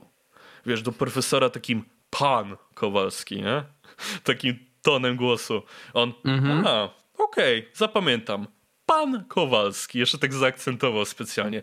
I my wyszliśmy z sali i mówiliśmy, słuchaj stary, masz już tak przejebane u niego. Ty nawet nie jesteś na czarnej liście, ty jesteś w czarnej dupie. Mhm. E, I rzeczywiście my przestaliśmy za bardzo dbać o to, czy mamy pracę domową, którą on zadawał. W ogóle się nie uczyliśmy za bardzo tych definicji na zasadzie, żeby je pamiętać na lekcję, bo zawsze on był pytany. A jak nie był, to była bardzo duża szansa, że on będzie. E, mhm. I taka ciekawostka, to go zmotywowało do tego, żeby zdać ten przedmiot i się go naprawdę mocno zakuć prawidłowo. Więc mhm. wyszło z tego coś pozytywnego, ale tak. Na przykład ten profesor odczytywał listę, bo on zawsze nas sprawdzał po liście na początku lekcji, bo wiesz tam Jankowski, Kamiński, ten, tam, ten i nas normalnie wyczytywał po nazwisku, a jego było Pan Kowalski. Pan Kowalski. tak. I on już miał przewalone, my zaczęliśmy też do niego mówić Pan Kowalski, oczywiście jego oryginalnym nazwiskiem. Po prostu mhm. już taka ksywa, która do niego przylgnęła. E, oczywiście on też zasynął ten, ten nasz Kowalski z innych rzeczy u nas na studiach, na przykład z tego, że notorycznie kradziono mu rowery. Gdziekolwiek on ich nie przypiął, czy to była ławka, słup, cokolwiek, nie, zawsze kurwa ukradli rower. Y, I mhm. potem jak była taka gra na Nintendo, gdzie była taka piosenka N-word y, Steal My Bike, nie wiem czy kojarzy, była taka animacja, tak, tak, to my tak, tam tak, stawiliśmy tak. jego twarz i po prostu kręciliśmy dalej z tego bekę. I on też kręcił bekę z nami, z niego samego. Mm. Było tak, no, no Kowalski, to za ile ci ukrano rower? A, pewnie tydzień. Zgani, co się stało, kurwa, za tydzień. My robiliśmy w pewnym momencie zakłady, jak szybko ukrano mu rower.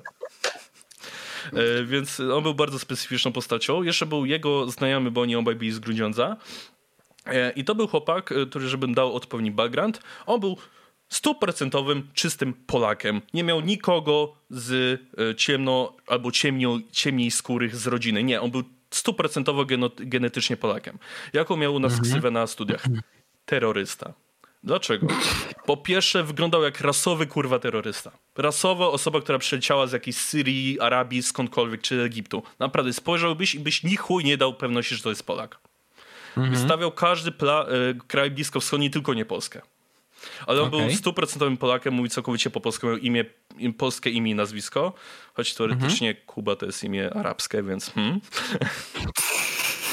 Sprawdzaliście to? Nie, Jakub to jest imię arabskie. Potwierdziła mi to dziewczyna, która była u nas na wymianie z liceum z Pakistanu, czyli kraju ewidentnie wschodniego, a mm -hmm. właściwie blisko wschodniego. I ona powiedziała, że Jakub to jest imię islamskie i to jest właśnie pochodzi właśnie z tamtych rejonów właściwie. E, okay. Ale, ale wracając, e, czy, czym on jeszcze bardziej zasunął u nas ksywą terrorysta, oprócz tego, że wyglądał jak rasowy terrorysta? Mm -hmm. E, to był rok chyba 2015 ukośnik 16 i to był ten okres, gdzie w Europie zaczęła się ta wielka migracja ludów ze wschodu. E, no jakiś dziwny trafem w Europie było dość dużo zamachów. Zwłaszcza we Francji. E, co za przypadek. Tak, co za przypadek. I dziwnym trafem, nie wiem jak on to robił, ale był naprawdę tym mistrzem. W każdy dzień, gdzie w Europie wybuchał zamach, jakiś wybuch, petardy, cokolwiek, nie było go na zajęciach. Dokładnie wtedy. Gość miał, to trochę mało. miał idealnego farta i my w pewnym momencie zaczęliśmy śmieszkować, że no jak tam było terrorysta na akcji? A, bombowo. nam odpowiadał, nie? On z nami śmieszkował hardo, bo naprawdę w każdy dzień, kiedy go nie było, wybuchał yy, po prostu jakiś zamach yy, gdzieś w Europie i wiesz, my siedzimy tak, kurde, nie ma go już trzecie zajęcia. Dzisiaj pier coś pierdolnie musi. Wracam do akademika we Francji strzelanina i wybuch. Ja takie, no pierdolę, no. Mhm. No i to było właściwie za każdym razem. Potem oczywiście zaczął z tego śmieszkować z nami jeszcze bardziej, czyli go na przykład pytaliśmy, ty jak myślisz, uda nam się przełożyć te kolokwium? On za pierwszym zamachem. Więc y, oni obaj mieli do siebie taki znaczy... dosyć duży dystans i naprawdę fajnie, fajnie się z nimi y, żyło na tych studiach. że to było, to było dosłownie lata przed słynnym sformułowaniem nie ma przypadków. Są, Są tylko, tylko znaki. znaki. Tak, w jego przypadku się sprawdzał idealnie, zwłaszcza, że na jedne zajęcia z tej algebry, a tam profesor nad y, nie, nie uznawał zwolnień na pusie oddania krwi Mówił, możecie pójść mhm. oddać krew innego dnia po prostu. Mhm. Stwierdził, że nie będzie w ogóle uznawał tych zwolnień oprócz lekarza. E, I ten nasz właśnie kumpel, ten terrorysta, którego nie było go na innych zajęciach, przyszedł na te zajęcia i dał usprawiedliwienie z urzędu miasta, bo szedł tam pilnie jakoś sprawy załatwić, po prostu z jakiegoś powodu mu dali usprawiedliwienie na studia. I on tak na to spojrzał, tak, hmm, no tak trochę mi to nie pasuje. My to śmieszkowaliśmy kurde, no pojechał na akcji, tylko mu to załatwili. No mogli się postarać, kurde, z tych służb, naprawdę.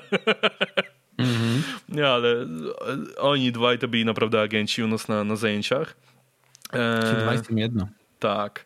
E, no i oprócz tego mieliśmy jeszcze takie zajęcie, które nazywało się wprowadzenie do systemów wielozadaniowych. Brzmi bardzo skomplikowanie, ale były to po prostu podstawy serwerów Linuxowych, czyli prowadzenie komend, e, pisanie jakichś rzeczy w baszu. Takie naprawdę proste rzeczy, gdzie zajęcia polegały na tym, że przychodził prowadzący.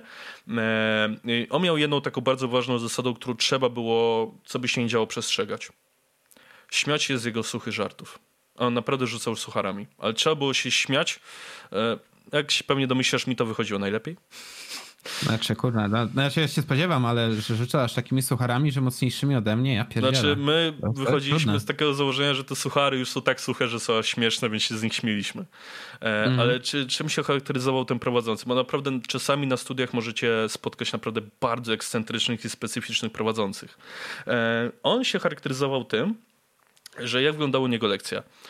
No dzień dobry, moi drodzy. Dzisiaj macie się zająć tą, tą, tą i tą komendą, tym i tym zagadnieniem. Ma wam pomóc wujek Google i ciocia Wikipedia. Dziękuję. I siadał na biurku. E, po kilku miesiącach odkryliśmy, co on robi na tym biurku, bo pod koniec lekcji zawsze szliśmy się do niego podpisać na liście. E, mhm. Okazało się, że przez całe zajęcia przyglądał wykop. w pewnym momencie zaczęliśmy się zastanawiać takie, ej, zerknij na ten ekran dłużej, może ma jakąś ksywę na wykopie, zobaczymy, co on w ogóle tostuje, może papieża. no, no, no, no, no. Tak, tak, tak. Ale nie, nie udało nam się odkryć nigdy jego ksywy, ale ewidentnie przesiadywał na wykopie każde zajęcia. Więc my używaliśmy Google i Wikipedia jak czegoś totalnie nie widzieliśmy, to on wtedy nas podchodził, y, patrzył na nas jak na jebanego debila i nam tłumaczył to, co mhm. było wytłumaczyć. A tak to wszystko mhm. robiliśmy całkowicie samodzielnie. E, ale potem przyszedł czas na kolokwia. Generalnie na kolokwia dał nam dokładnie to samo. Każdy miał dokładnie to samo, siedzieliśmy obok siebie na komputerach. My wykminiliśmy, że w tych e, serwerach, które udostępniała nam uczelnia, gdzie było tylko okienko z jakby polem do wpisywania e, terminalem, e, była też opcja pisania do siebie po, mail, po loginach uczelnianych na tym serwerze, więc otwieraliśmy tak naprawdę sobie 3-4 te okienka serwerowe i na jednym pisaliśmy ze sobą, na pozostałych trzech robiliśmy zadania. Wszystkie mhm. zadania praktycznie były robione kolektywnie. Czyli ten, kto coś wiedział, to robił. Ja patrzyłem ten ekran, tamten ekran i spisywałem. E, pierwsze kolokwium mhm. poszło w miarę spoko, później już odpaliłem Messengera i po prostu znajomy mi podesłał odpowiedzi, które miał, bo mógł je skopiować, bo wysłaliśmy mu to e, mailowo przez ten terminal serwerowy, bo tam też była poczta podpięta, e, więc mi zrobił kopię wklej, ja zrobiłem kopię wklej zdane. Drugie kolokwium było trudniejsze, bo mieliśmy na przykład skrypty w Bashu do pisania, gdzie mieliśmy zaprogramować język, język Braille'a za pomocą komend, że my piszemy coś po polsku, a on to algorytm przerabia na kod Morsa. Mhm. Przepraszam, nie Braille, tylko Morsa. E, I też dużo takich komend, które brzmiały jakoś dziwnie, my nie wiedzieliśmy jak do tego dojść i tak dalej. Tam była już praca kolektywna na pełnej kurwie. E, ale co jest tym wszystkim najśmieszniejsze?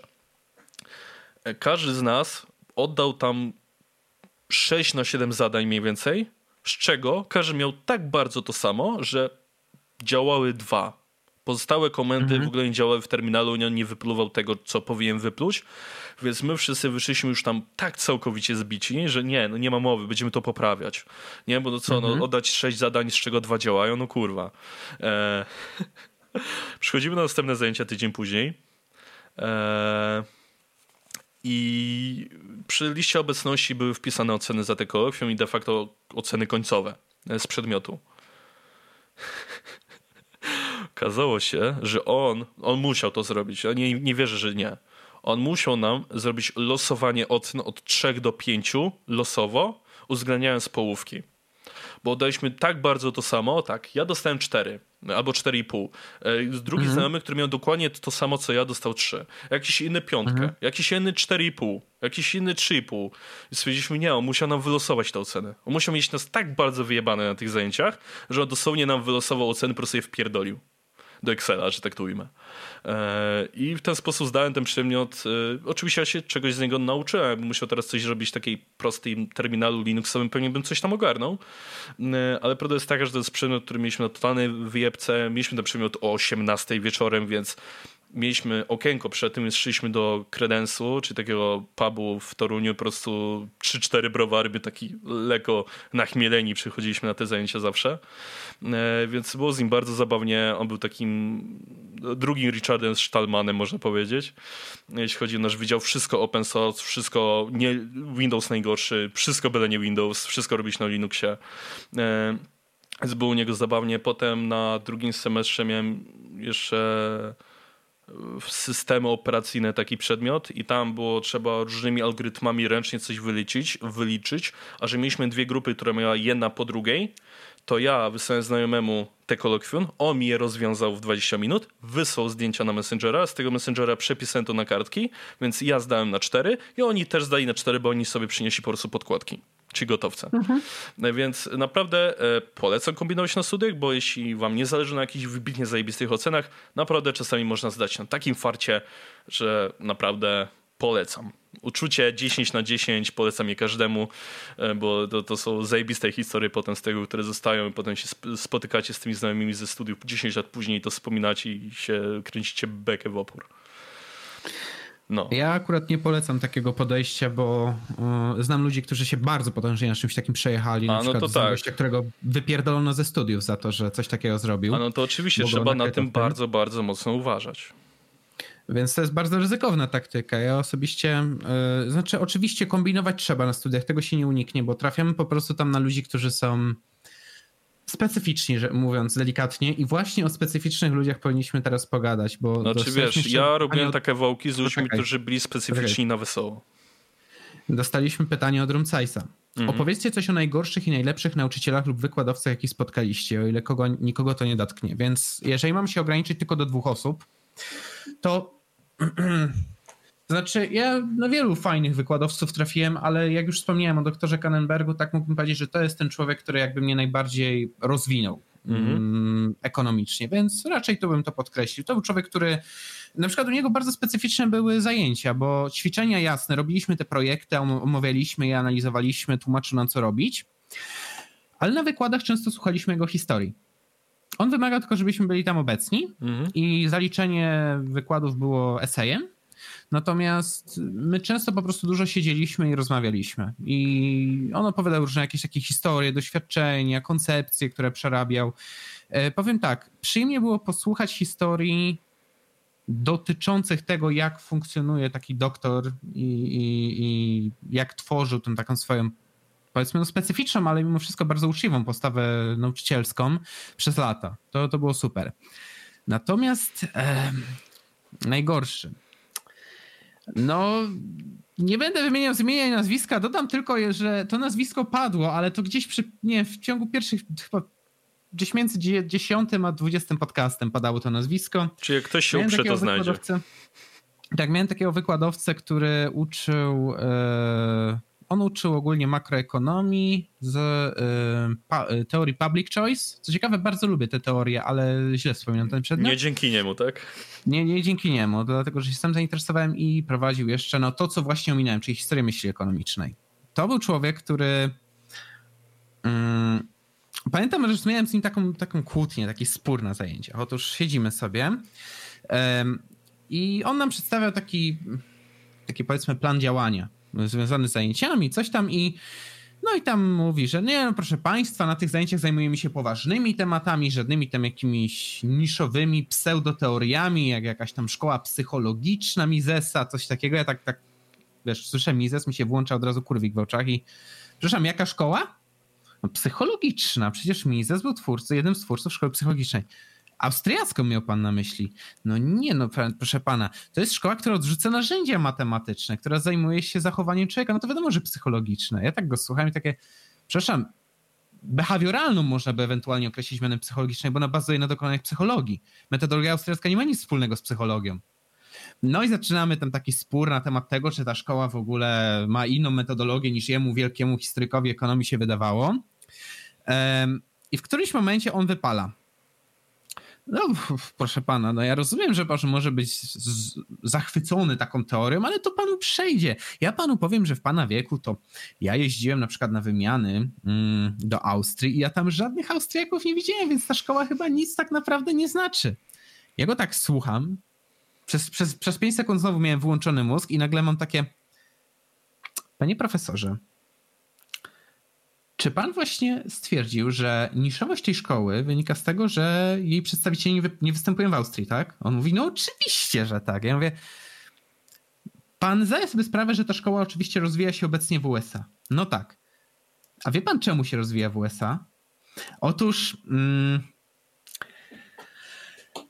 otóż, wie pan, y, wielu przedstawicieli tej szkoły to byli Żydzi. Oni byli pochodzenia żydowskiego. Mises miał korzenie żydowskie, von Bawert miał pochodzenie żydowskie. E, oni się wywodzili z ziem, głównie oczywiście Austro-Węgier, ale to byli Żydzi w większości. Mises chyba był z Polski, nie? Tak, znaczy z Lwowa się wywodził mm. ogólnie. Um, ale on się urodził podczas zaborów, no jak większość przedstawicieli szkoły, na przykład Menger, no to mm. to samo. On się urodził w Polsce, ale, ale no w zaborze, nie?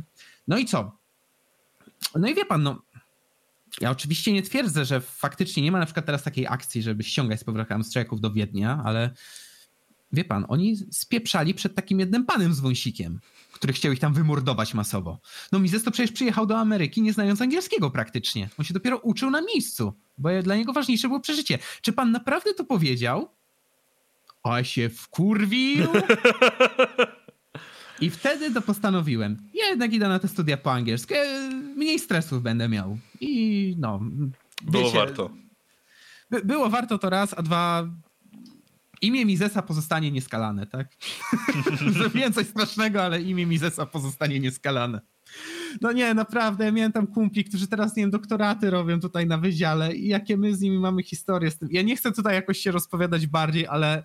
No, słyszałem, myśmy... te historie są grube, przyznam. Tak, co, co myśmy znaleźli tam w jego książkach czy coś, to o, panie, szkoda gadać. I to był taki człowiek, który nienawidził studentów. On miał straszny problem ze studentami. W sensie, on bardzo często podkreślał w swoich historiach z czasów studenckich, że on całe dnie musiał spędzać w bibliotece. To znaczy, że nie był prawdopodobnie zbyt lotny i on wszystko na pamięć zakuł. Tak, tak. Więc on ma takie, takie poczucie niższości prawdopodobnie i z tego powodu wyżywa się na studentach.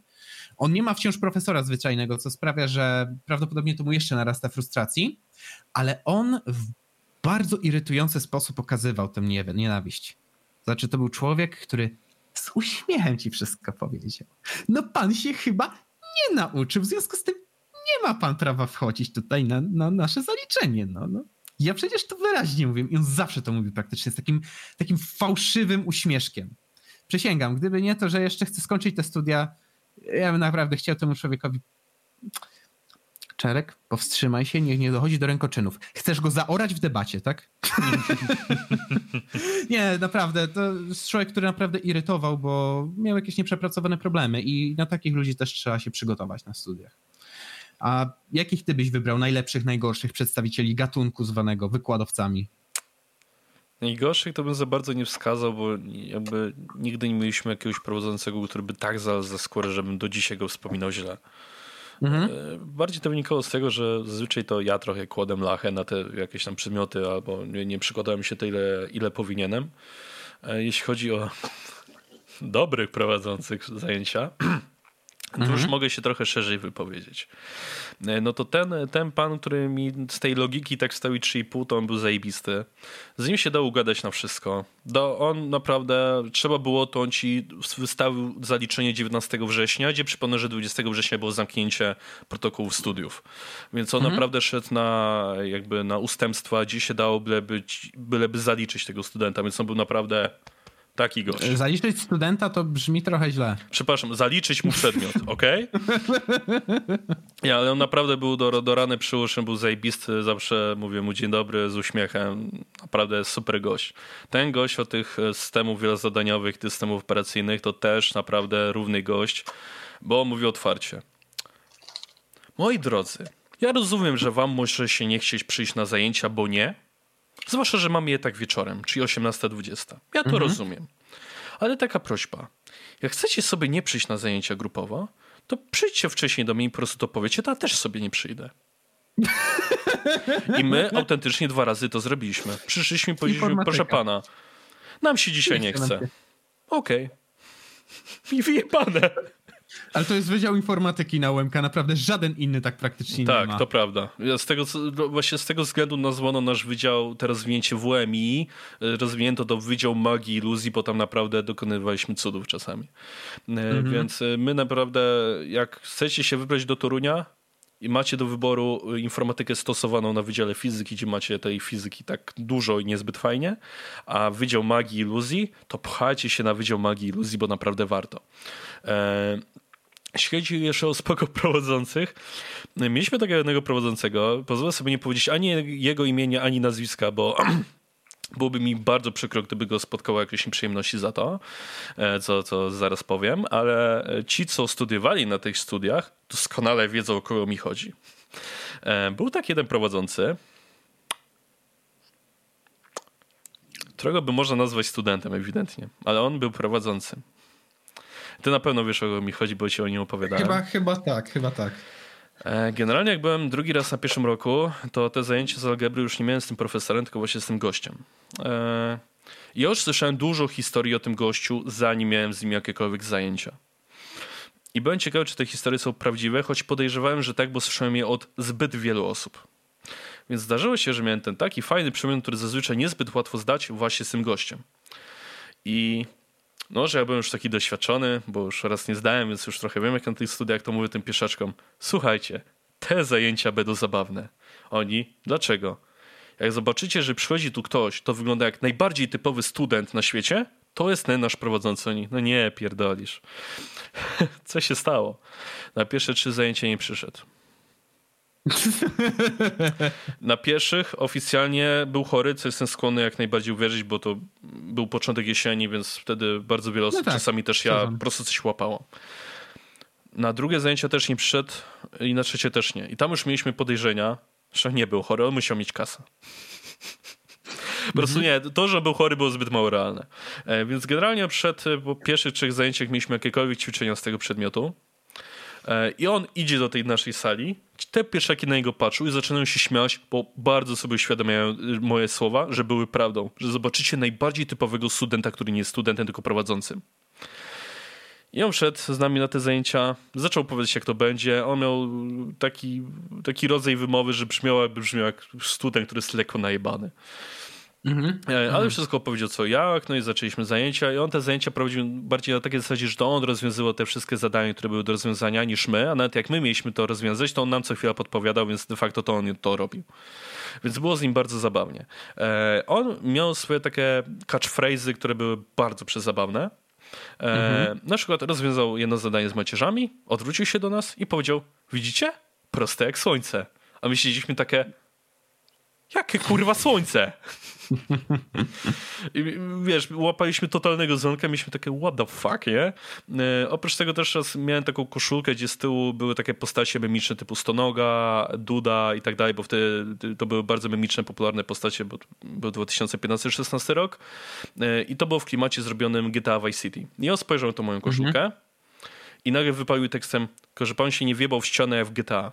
A takie, Słucham? on naprawdę walił takimi tekstami, że on kładł kurwa całą salę, nie wiedział, wszyscy nie wiedzieli, co się dzieje. E, on oczywiście wszystkie te zajęcia tak prowadził, że na przykład rozwiązał jakieś zadanie, cała tablica zapisana i nagle ktoś mówi, a proszę pana, a tu nie ma błędu przypadku. On tak patrzy, minuta, wiesz, ładowania save'a. No rzeczywiście jest to błąd. Cała tablica ścierana, zaczynam od początku 5 minut rozwiązywania zadania, nie? Ja, e, u niego to się zdarzyło notorycznie.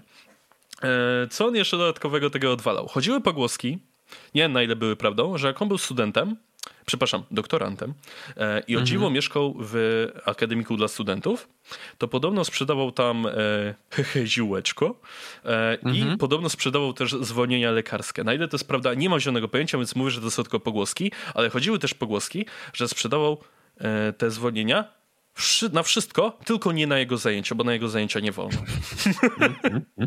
Więc y, nie na ile to było prawdą, ale takie pogłoski o nim chodziły. Y, mhm. Chodziły też pogłoski, że on chodził po tym akademiku zjarany, fuj, podrywał dziewczyny. I jak się mówiłem mu dzień dobry, jak się go widział na wydziale, to on takie Dzień dobry. Mieliśmy podejrzenia, że on zjarany musi chodzić po tym wydziale. E, I też były pogłoski, że on usiłuje od dwóch lat zrobić doktorat i usiłuje to było bardzo ważne słowo, ale w końcu, w końcu zrobił. E, w końcu mu się udało, e, więc on chyba jest nadal na tym wydziale. To jest najbardziej pozytywna postać z prowadzącej, jaką spotkacie na tym wydziale. Nie ma nikogo bardziej pozytywnego. Szanujcie tego człowieka, bo on będzie wam zdawał, dawał zdawać tak, jak nie daje nikt inny. U nas to wyglądało tak. E, napisaliśmy kolokwium z tej algebry. On je sprawdził, dał nam wyniki. Ja mi chyba brakowało punktu do zdania, czyli jakby jednego zadania prostego do zrobienia, którego tam nie zrobiłem, bo nie zdążyłem albo nie umiałem. I jak wyglądała u niego poprawka? E, no, proszę Państwa, proszę zobaczyć, ile Wam brakuje punktów do oceny, na której Wam zależy. I macie przyjść na kolokwium, dostaniecie te same typy zadań, tylko inną treść. E, I macie po prostu zrobić tyle zadań, żeby to nadrobić tą różnicę punktową i stawiam wam taką ocenę, jak wychodzi wtedy z punktów w sumie. A że mi brakowało jeden punkt do trójki, to zrobiłem jedno zadanie, które zajęło mi dosłownie 30, sek 30 sekund. Usiadłem, podpisałem się, zrobiłem zadanie, oddałem mu kartkę, wyszedłem. Trzy. Więc naprawdę to była najbardziej zajebista postać u nas na studiach, a te wszystkie pozostałe były po prostu spoko. W większości. E, mieliśmy paru doktorów, którzy niedawno się zdoktoryzowali i rzeczywiście im się zdarzało trochę wyżywać na studentach, e, ale najczęściej to nie byli moi prowadzący, tylko w innych grupach, więc mnie to nie dotknęło, e, ale najlepsi byli magistrowie magistrzy i doktoranci w wielu przypadkach to są najbardziej lejtowe osoby, przynajmniej u mnie na wydziale i z nimi to się szło dogadać ze wszystkim, na wszystko i było zajebiście. E, więc jeśli chodzi o takich spoko prowadzących, no to, to z mojej strony mogę się ewidentnie pochwalić e, tym, że jakby wam się zdarzyło pójść na Wydział Matematyki i Informatyki, walcie do mnie, walcie nazwiska prowadzących, ja wam powiem, który z nich jest jaki i na którego uważać, na którego nie. Tak, ale widać, że Wydział y, Informatyki jest czymś kompletnie odmiennym niż wszystkie inne wydziały. Tak, bo... Wydział Magii, Iluzji, UMK pozdrawiam. Spróbuj, spróbuj tylko się tak zachowywać na wydziale, nie wiem, ekonomii, prawa, no, się domyślam. filologii. Nie, jak Masz my opowiadaliśmy znajomym z jakichś wydziałów właśnie prawa czy innych, co się u nas odwala, to oni się łapali za głowę i takie Jak, wy, Jak tak można? Jak wy, wy, Tak. wy nie, wycie, wy, wyciele, wy nie, nie wyrzucili was ze studiów, a my normalnie. Um, to jeszcze tutaj zaznaczę, że od Rumcajca padło jeszcze jedno pytanie, co motywowało nas do podjęcia takiego, nie innego kierunku w szkole na studiach, ale to już wyjaśniliśmy w sumie na Tak, początku. Więc e, ja teraz sobie jeszcze przejdę do takiej jednej historii, takiej mrocznej, można powiedzieć, na studiach, bowiem Mhm. e, ja, ja tobie to już mówiłem, Dawid, akurat, ale tak, studia to jest okres, w którym się dorasta i w którym się przeżywa porąbane rzeczy. I ja I się popełnia wszystkie możliwe błędy. E, nie, to raczej wcześniej zrobiłem. E, To ja, ja Eee. właśnie na studiach. ale na studiach poznałem mordercę. Osobę, która później kogoś zamordowała. Tak, Tak, wiem o to co się ci stało. chodzi. E, poznałem gościa bardzo przelotnie, nie Mhm. będę ukrywał. Mm, On chyba studiował jakąś taki- historię tam, nie? Jeśli dobrze tak, pamiętam. tak, tak. I z tego co pamiętam, on się z Płocka chyba wywodził, czy Tak, skądś? tak, no, Ale on tak był z tych inaczej, okolic. Z Jagiellonki chyba, tamtejszej. Tak, no, no, tak czy tak. inaczej, e, tak. e, Znalazłem dwie osoby z Jagiellonki. Jedną uwielbiam, a druga była mordercą. Zajebiście. E, ale wracając. em, ogólnie rzecz ujmując, jeżeli chodzi o tego typa, ja go poznałem bardzo przelotnie przez tam wspólnych znajomych, bo gdzieś tam kiedyś siedzieliśmy na jakimś piwerku po zajęciach i, i tak się dosłownie przelotnie nawinął. Potem słyszałem o nim jakieś takie różne historie, że mm, no, gość ponoć, żeby sobie dorobić, to handluje narkotykami, e, że żeby, że lubi na przykład robić coś takiego, że łazi nocą po klubach i pyta się, ktoś się chce z nim napierdalać. I to jest cytat słowo w słowo. I jeżeli ktoś się nie chce, to nie. Ale on się lubi napieprzeć z ludźmi, którymi, którzy też to, którzy się na to godzą jakby, nie? Tak, Lubi będzie w akapie. Za to szanuję. Dokładnie. Aka w praktyce. Em, I. mm, No i dowiadywałem się tam, znaczy wiesz, no, ale zawsze wszyscy mówili, że nie, no bardzo w porządku kolej, że ogólnie jest taki, no, no ma te swoje dziwactwa, ale no i dragi ci dostarczy i całkiem inteligentny, on podobno był bardzo ogarnięty w tych kwestiach historycznych. I właśnie, potem gdzieś tam jadę z jednym znajomym i mówi, słyszałeś, że on siedzi w, w areszcie śledczym? Ja mówię, co zrobił? No zamordował typa, właśnie wziął jakieś porachunki e, mafijne związane No. z narkotykami. Ja miałem takie, co do Kurwy, chuja, nie? No. poznałem mordercę. Tak więc, tak, studia to jest bardzo specyficzny okres, zdecydowanie. Nie myślałem, że idąc tutaj do Torunia na studia, poznam mordercę po drodze, ale tak, to się stało. E, tak, ja Em. też poznałem tego gościa, tylko ja go nie poznałem tak jak ty gdzieś tam na studiach, tylko ja go poznałem po prostu w jednym z barów toruńskich, bo chodziłem tam z moim znajomym e, sobie po prostu Mhm. popić piwerko 2-3 i pograć w rzutki albo piłkarzyki, e, albo coś innego i on rzeczywiście tam był. On rzeczywiście był bardzo specyficzny, ale jak się z nim tak po prostu pogadało, to Wydawał się spokojny. nie? Wydawał Taki- się taki- ekstremalnie inteligentną osobą, z którą można naprawdę fajnie pogadać, a nawet jeśli nie pogadać, to bardzo fajnie posłuchać. E, Choć trzeba przyznać, był swojej postury i rzeczywiście jak się, nawet ja dwumetrowy, ja na niego patrzyłem, to nie, ja bym się nie zgodził na napierdalanie się. E, więc, więc on naprawdę był do, dość e, mocarny. E, To, że sprzedawał dragi, to ja słyszałem takie pogłoski. E, A jak ja Znaczy, usłyszałem to o tym, że. Jeden kumpel u niego kupił, także ja miałem potwierdzenie, nie? No ale wiesz, jak ja usłyszałem tą historię, że ej, gość pójdzie na 25 lat do więzienia, to miałem takie, o kurwa, a co zrobił? No kogoś zabił, jeszcze próbował wrzucić w wapno. Co? Tak, tak. Też Tak miałem więc- to totalnego mindfucka, więc tak, no na studiach poznacie naprawdę bardzo różne osoby, a chcecie sobie jeszcze bardziej uświadomić, jak bardzo specyficzne osoby można poznać na studiach, zwłaszcza na UMK w Toruniu, e, to polecam wam odnaleźć historię na temat Wydziału Patologii i Absurdu UMK. Przeczytajcie tą historię, mam potwierdzenie od takiej ilości osób, że to jest stuprocentowa prawda, że naprawdę pierdolniecie, jak to przeczytacie.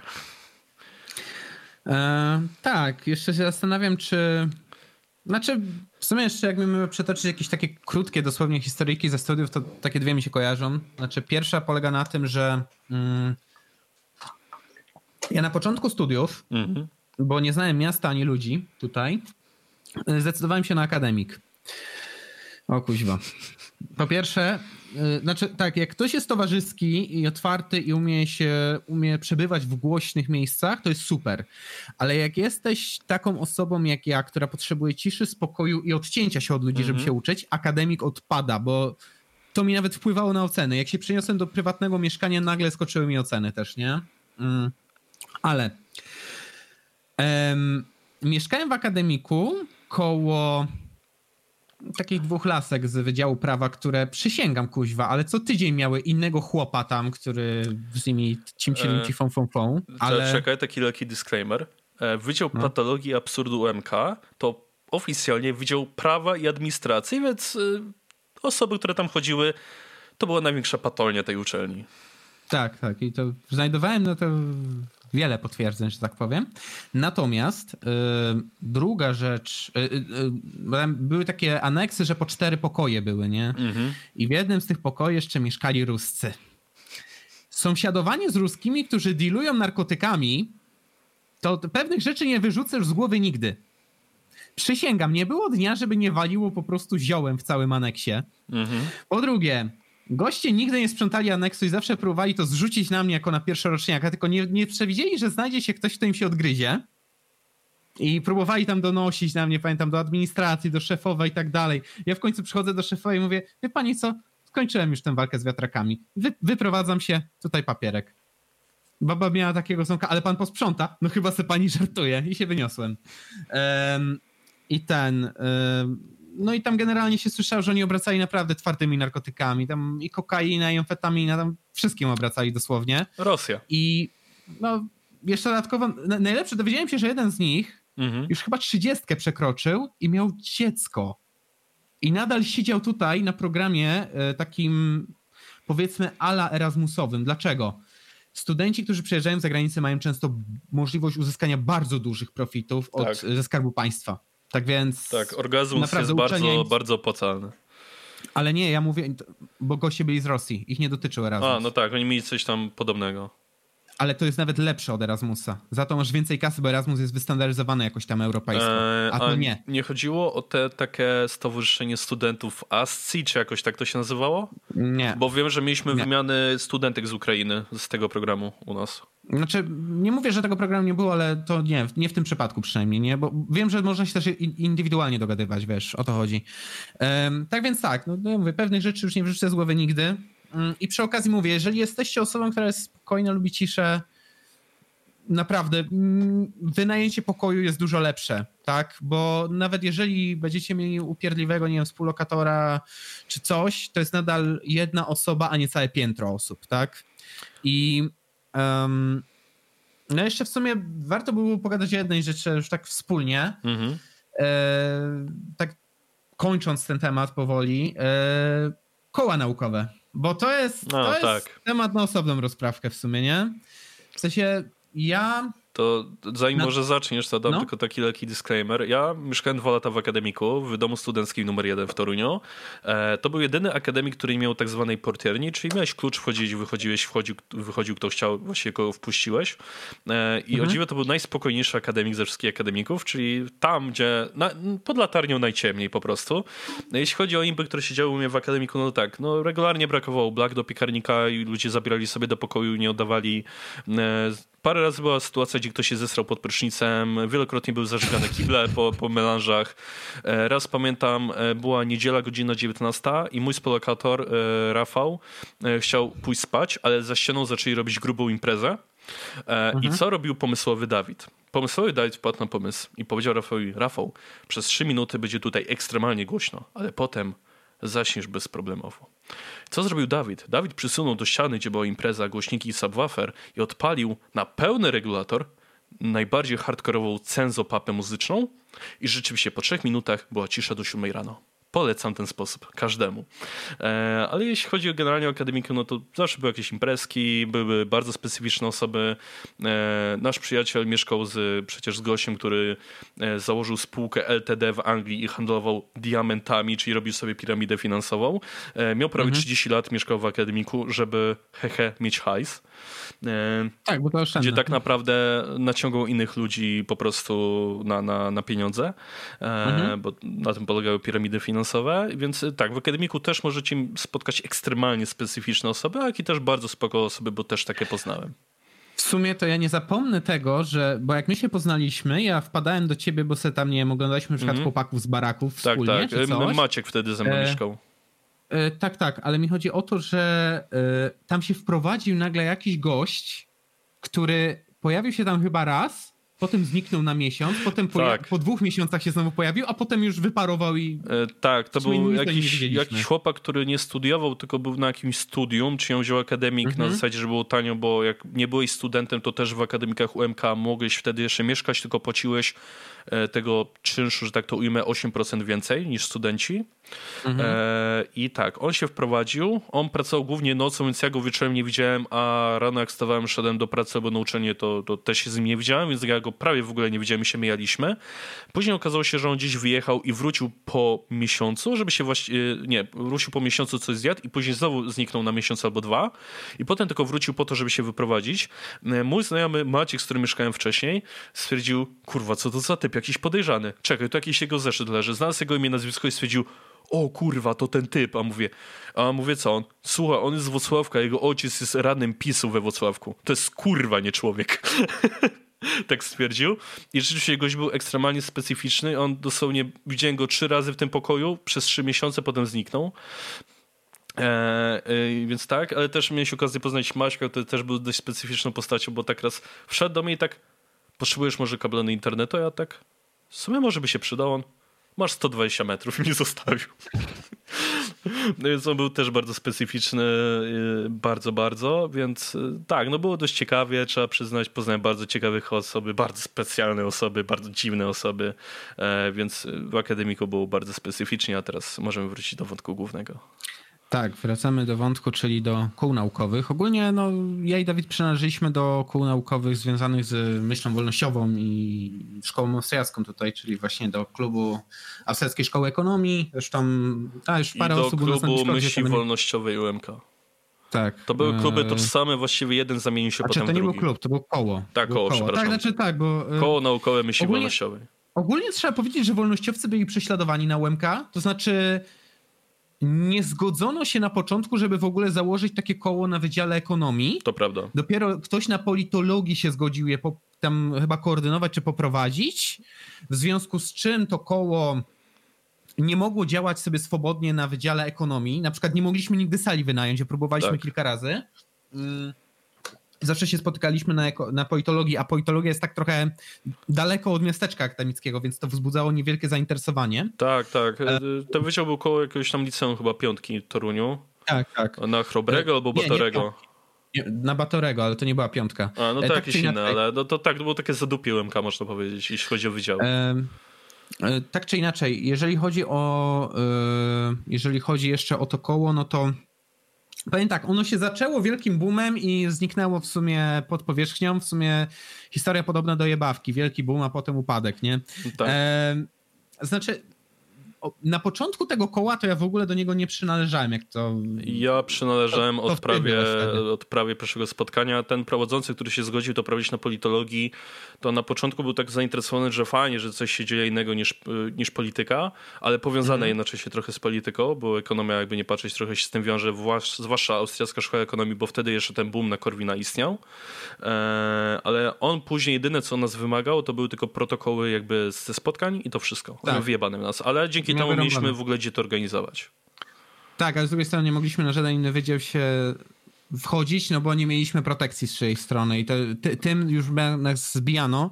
Tak. E, Chociaż nawet jak sobie znaleźliśmy kogoś pod opiekę, to zawsze wymyślano jakieś inne proceduralne rzeczy, że nie, wy nie będziecie mogli tutaj prowadzić. Tak, nie? ale później dzięki E. temu, że jeden z naszych znajomych, czyli Dawid Meger, którego pozdrawiamy, jeśli tego słucha, e, stał się doktorantem i, dzie- i dzięki chyba też jeszcze wsparciu Instytutu Mises udało mu się w końcu przepchnąć te koło na ekonomii.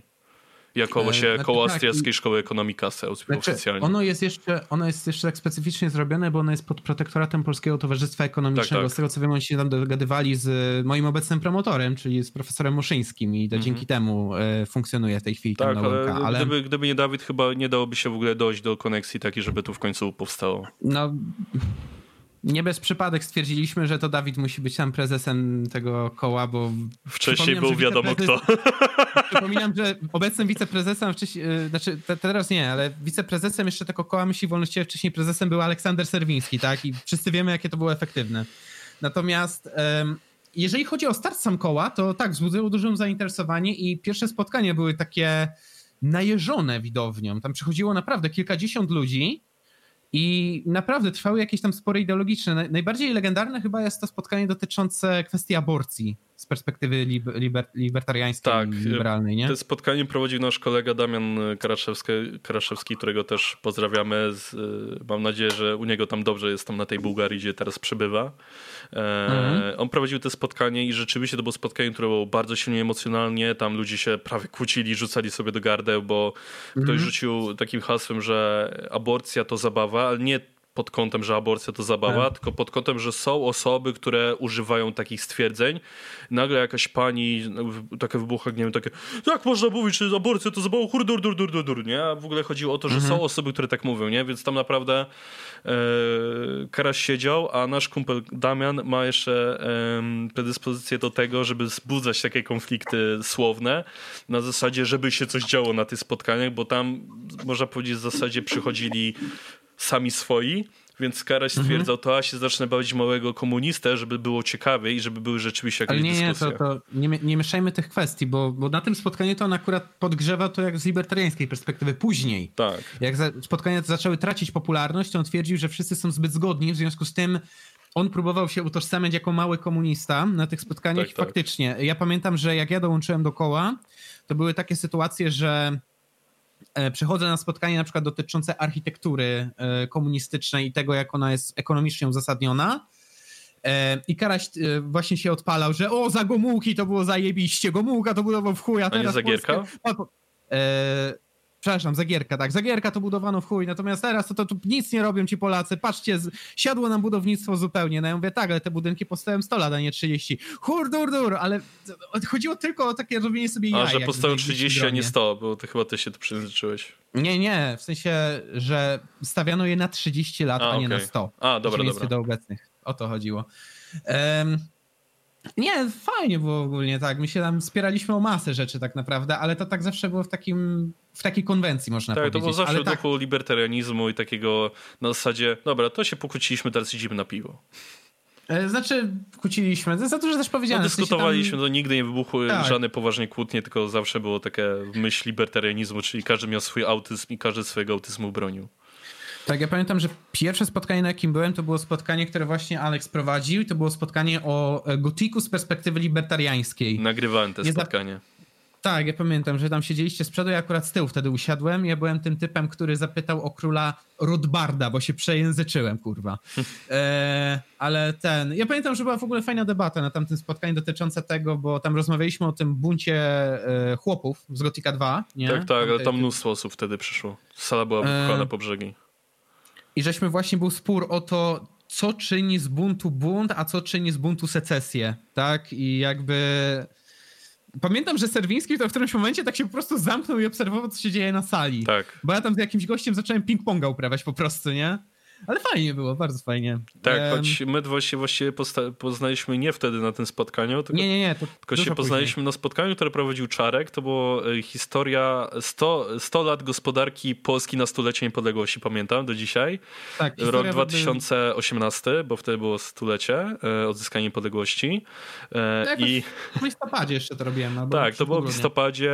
W ogóle dziwny przypadek, że się tam wtedy pojawiłem, bo wtedy pracowałem w takiej firmie, która też agencji reklamowej, która się powoli powoli w korporację. Ja byłem dość zmęczony po tej pracy, miałem okazję, ochotę bardziej odpocząć, ale stwierdziłem, dobra, mam niedaleko na tego świętopełka, na ten wydział, tu się przejdę. E, I dlaczego dobrze, że mi się chciało? E, na tym spotkaniu, pomijając Czarka, były dosłownie dwie osoby, z czego jedno byłem ja, a drugi nasz znajomy Paweł. Siema Paweł. Tak, więc to był totalny przypadek, że my tam wtedy byliśmy, to się odbyło, my potem poszliśmy na piwo, jakoś się tak zgadaliśmy, się znamy do dzisiaj. No i, no i to, to tak. wszystko, co się potem potoczyło, czyli te YouTube, podcasty, no to, to, to spotkanie było tym początkiem i to był przypadek przypadku, że mi się chciało tam tak. pójść i że była nas tam trójka i że dzięki temu potem jak poszliśmy na te piwo, to się tam mocno zgadaliśmy ze sobą. W sumie szkoda właśnie, że to spotkanie tak nie przyciągnęło uwagi, bo ja naprawdę się pamiętam postarałem. Tak, żeby zrobić zrobili super prelekcję. Super się tego ale, ale ten, no, no ale no to no, trudno. No, no, no, no. może prawdziwe prelekcje to przyjaźnie, które wydarzyły się po drodze. Dokładnie, dokładnie tak. Ale ten... tak jeszcze wracając do kwestii tego koła, to tak, ono tak padało, bo mówię, były spotkania na kilkadziesiąt osób, skończyliśmy na trzech, potem była reforma jakby, czyli znaczy, pamiętam, że jak jeszcze był taki problem, że był taki, jak ja dołączyłem do koła, to był taki kryzys, że nie ma kto robić spotkań. Ja zrobiłem trzyczęściowe spotkanie e, cykly dotyczące koniunkturalne, koniunkturalnych. Tak. tak. I ja pamiętam, że mm, to się darzyło całkiem wysoką popularnością, a potem to wszystko siadło. Po reformie jakby na klub Austriackiej Szkoły Ekonomii ja prowadziłem tam zresztą jeszcze dwa spotkania. Jedno dotyczyło, jedno z sobą prowadziłem, to dotyczyło infoanarchizmu i detaizmu. Dokładnie tak. A drugie do, dotyczyło właśnie szkoły public choice, czyli powiązań pomiędzy polityką a ekonomią, jak możemy korzystać ekonomię w... Tak, I to... jeżeli ktoś jest tym zainteresowany, to jak sobie wejdzie na kanał Kluby Austriackiej Szkoły Ekonomii, to te Klub, dwa spotkania... To się chyba nazywa Kluby Kasę po prostu. Nie, kluby ASE. Kluby ASE, ASE dobra. Eee, tak, sobie jak ktoś wejdzie na YouTube i pogoogluje Cezary Rochnowski, to mnie znajdzie. Ja, ja prowadzę dwa spotkania tam. Tak. E... Nabijać te wyświetlenia. Twierdzam, spotkania były bardzo fajne. Ty jakby z tych wszystkich prowadzących, którzy tam byli, może pomijając gości specjalnych, bo oni byli specjalni, E, to najbardziej. Wiem. E, to najbardziej przystępnie wszystko opowiadałeś. Ja wszystko kumałem z tych twoich wykładów, mimo że tej wiedzy ekonomicznej nie miałem aż na tak wysokim poziomie, jak powinienem. I nadal nie mam w sumie, ale znaczy, już jest trochę no... lepiej. Ale no, ci goście specjalnie mam na myśli księdza Gniotka, który był e, Bene, Benedyka, tak. który się pojawił, był Kasper Pitała tak. chyba również, nie Pitała, co ja pierdolę. E, ten, który jest teraz w partii Możemy, ten na P też, Parkita o. Eee, też. Parkita, tak, tak, Parkita był. Eee, też z nimi było spoko. Ksiądz Gniadek, ja pamiętam tą prelekcję, takie emocje później zaczęły wybuchać. Eee, na zasadzie był tak jeden gość, który pyskliwym głosem zaczął mówić, że jak to tak może, to, to, to, to. I on co chwila się o coś pruł, więc część y, ludzi, którzy tam siedziały, zaczęła do niego powoli mówić zamknij mordę Zamknij kurwa mordę. No, trochę tak było. No, był taki ale... irytujący gość. Ale tak wracając... Yy... No pamiętam, że tam były, były fajne spotkania. Na przykład pamiętam, że poniekąd moje zainteresowanie yy, public choice wyniknęło właśnie trochę z jednego z takich spotkań. To znaczy, Jezus, kto to je wtedy prowadził? Yy... My mieliśmy wtedy spotkanie. A, Przemek Hankus. Przemek Hankus A, ze tak. Stowarzyszenia Libertariańskiego. On akurat nam prezentował. Na temat e... chyba moralności. E... Tak, bo on w ogóle. I stwierdził, że libertarianie książki... to są autyści. Autyści, tak. E... On prezentował książkę tego, e, jak się go się nazywał? E, Hajta, nie? A. Prawy umysł. A, no to, ja to, właśnie tak. wtedy się tym zainteresowałem, to mi dało tak takiego kopa do realizowanej, zrealizowanej już przeze mnie pracy magisterskiej, bo właśnie pracę magisterską skończyłem robić w kwietniu. Teraz będzie porządna majówka, więc można wypocząć. No i mm, wracając jeszcze do, do, do, no matko jedyna, no te koła, znaczy one były też dość specyficzne, to było dla takich to było bardziej, żeby robić sobie znajomych kumpli tak naprawdę i tak. dowiadywać się czegoś to znaczy, ciekawego. Najbardziej nie... trwałe znajomości, jakie zbudowałem, nie były na studiach, studiach, na które ja chodziłem, bo z tak. tamtego okresu ja prawie nie mam żadnych znajomych, albo ludzi, z którymi coś się wymieni raz na rok wiadomościami na fejsie.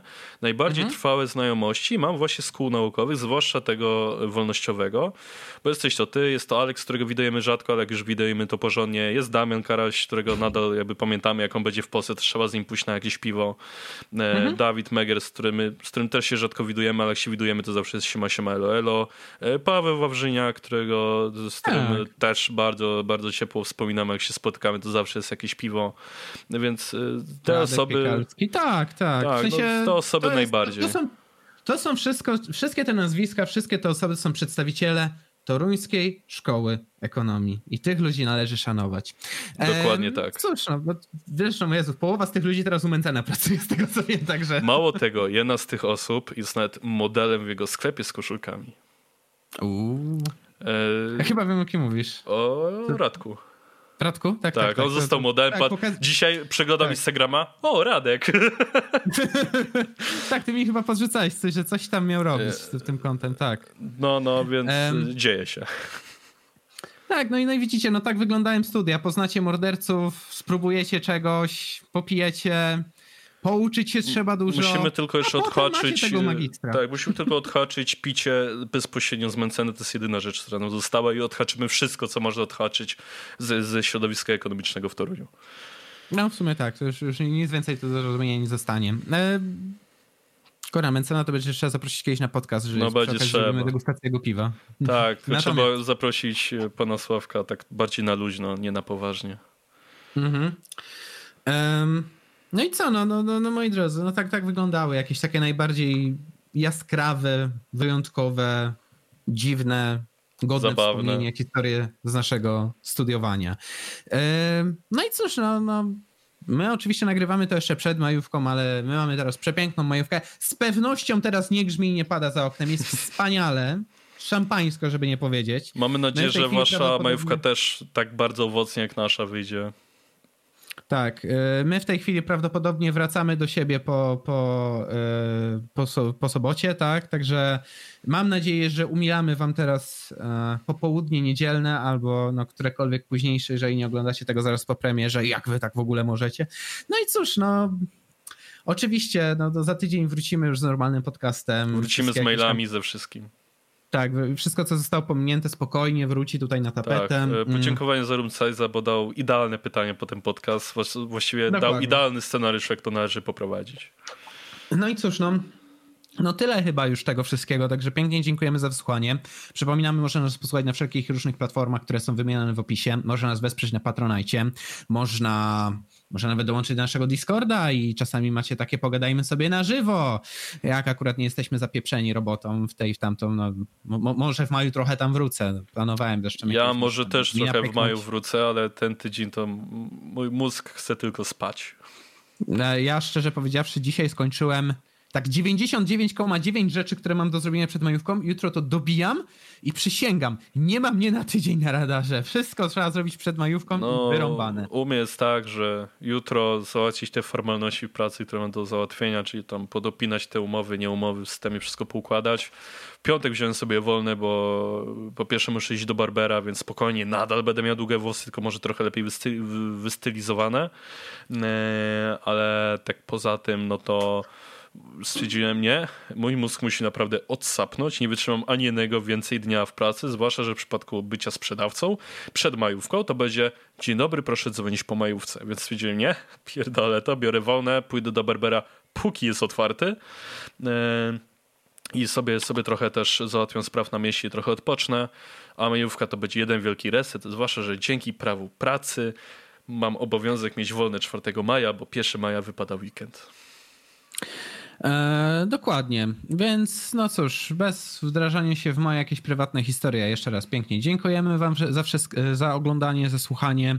No i co, no i, no i zapewne widzimy się za tydzień, także trzymajcie się i no i miejmy nadzieję, że uda nam się odkryć sekret tego grillowania. Co, co ci ten tryści w tym widzą, no. No miejmy nadzieję. Tak, więc trzymajcie się, do usłyszenia, do zobaczenia, hej.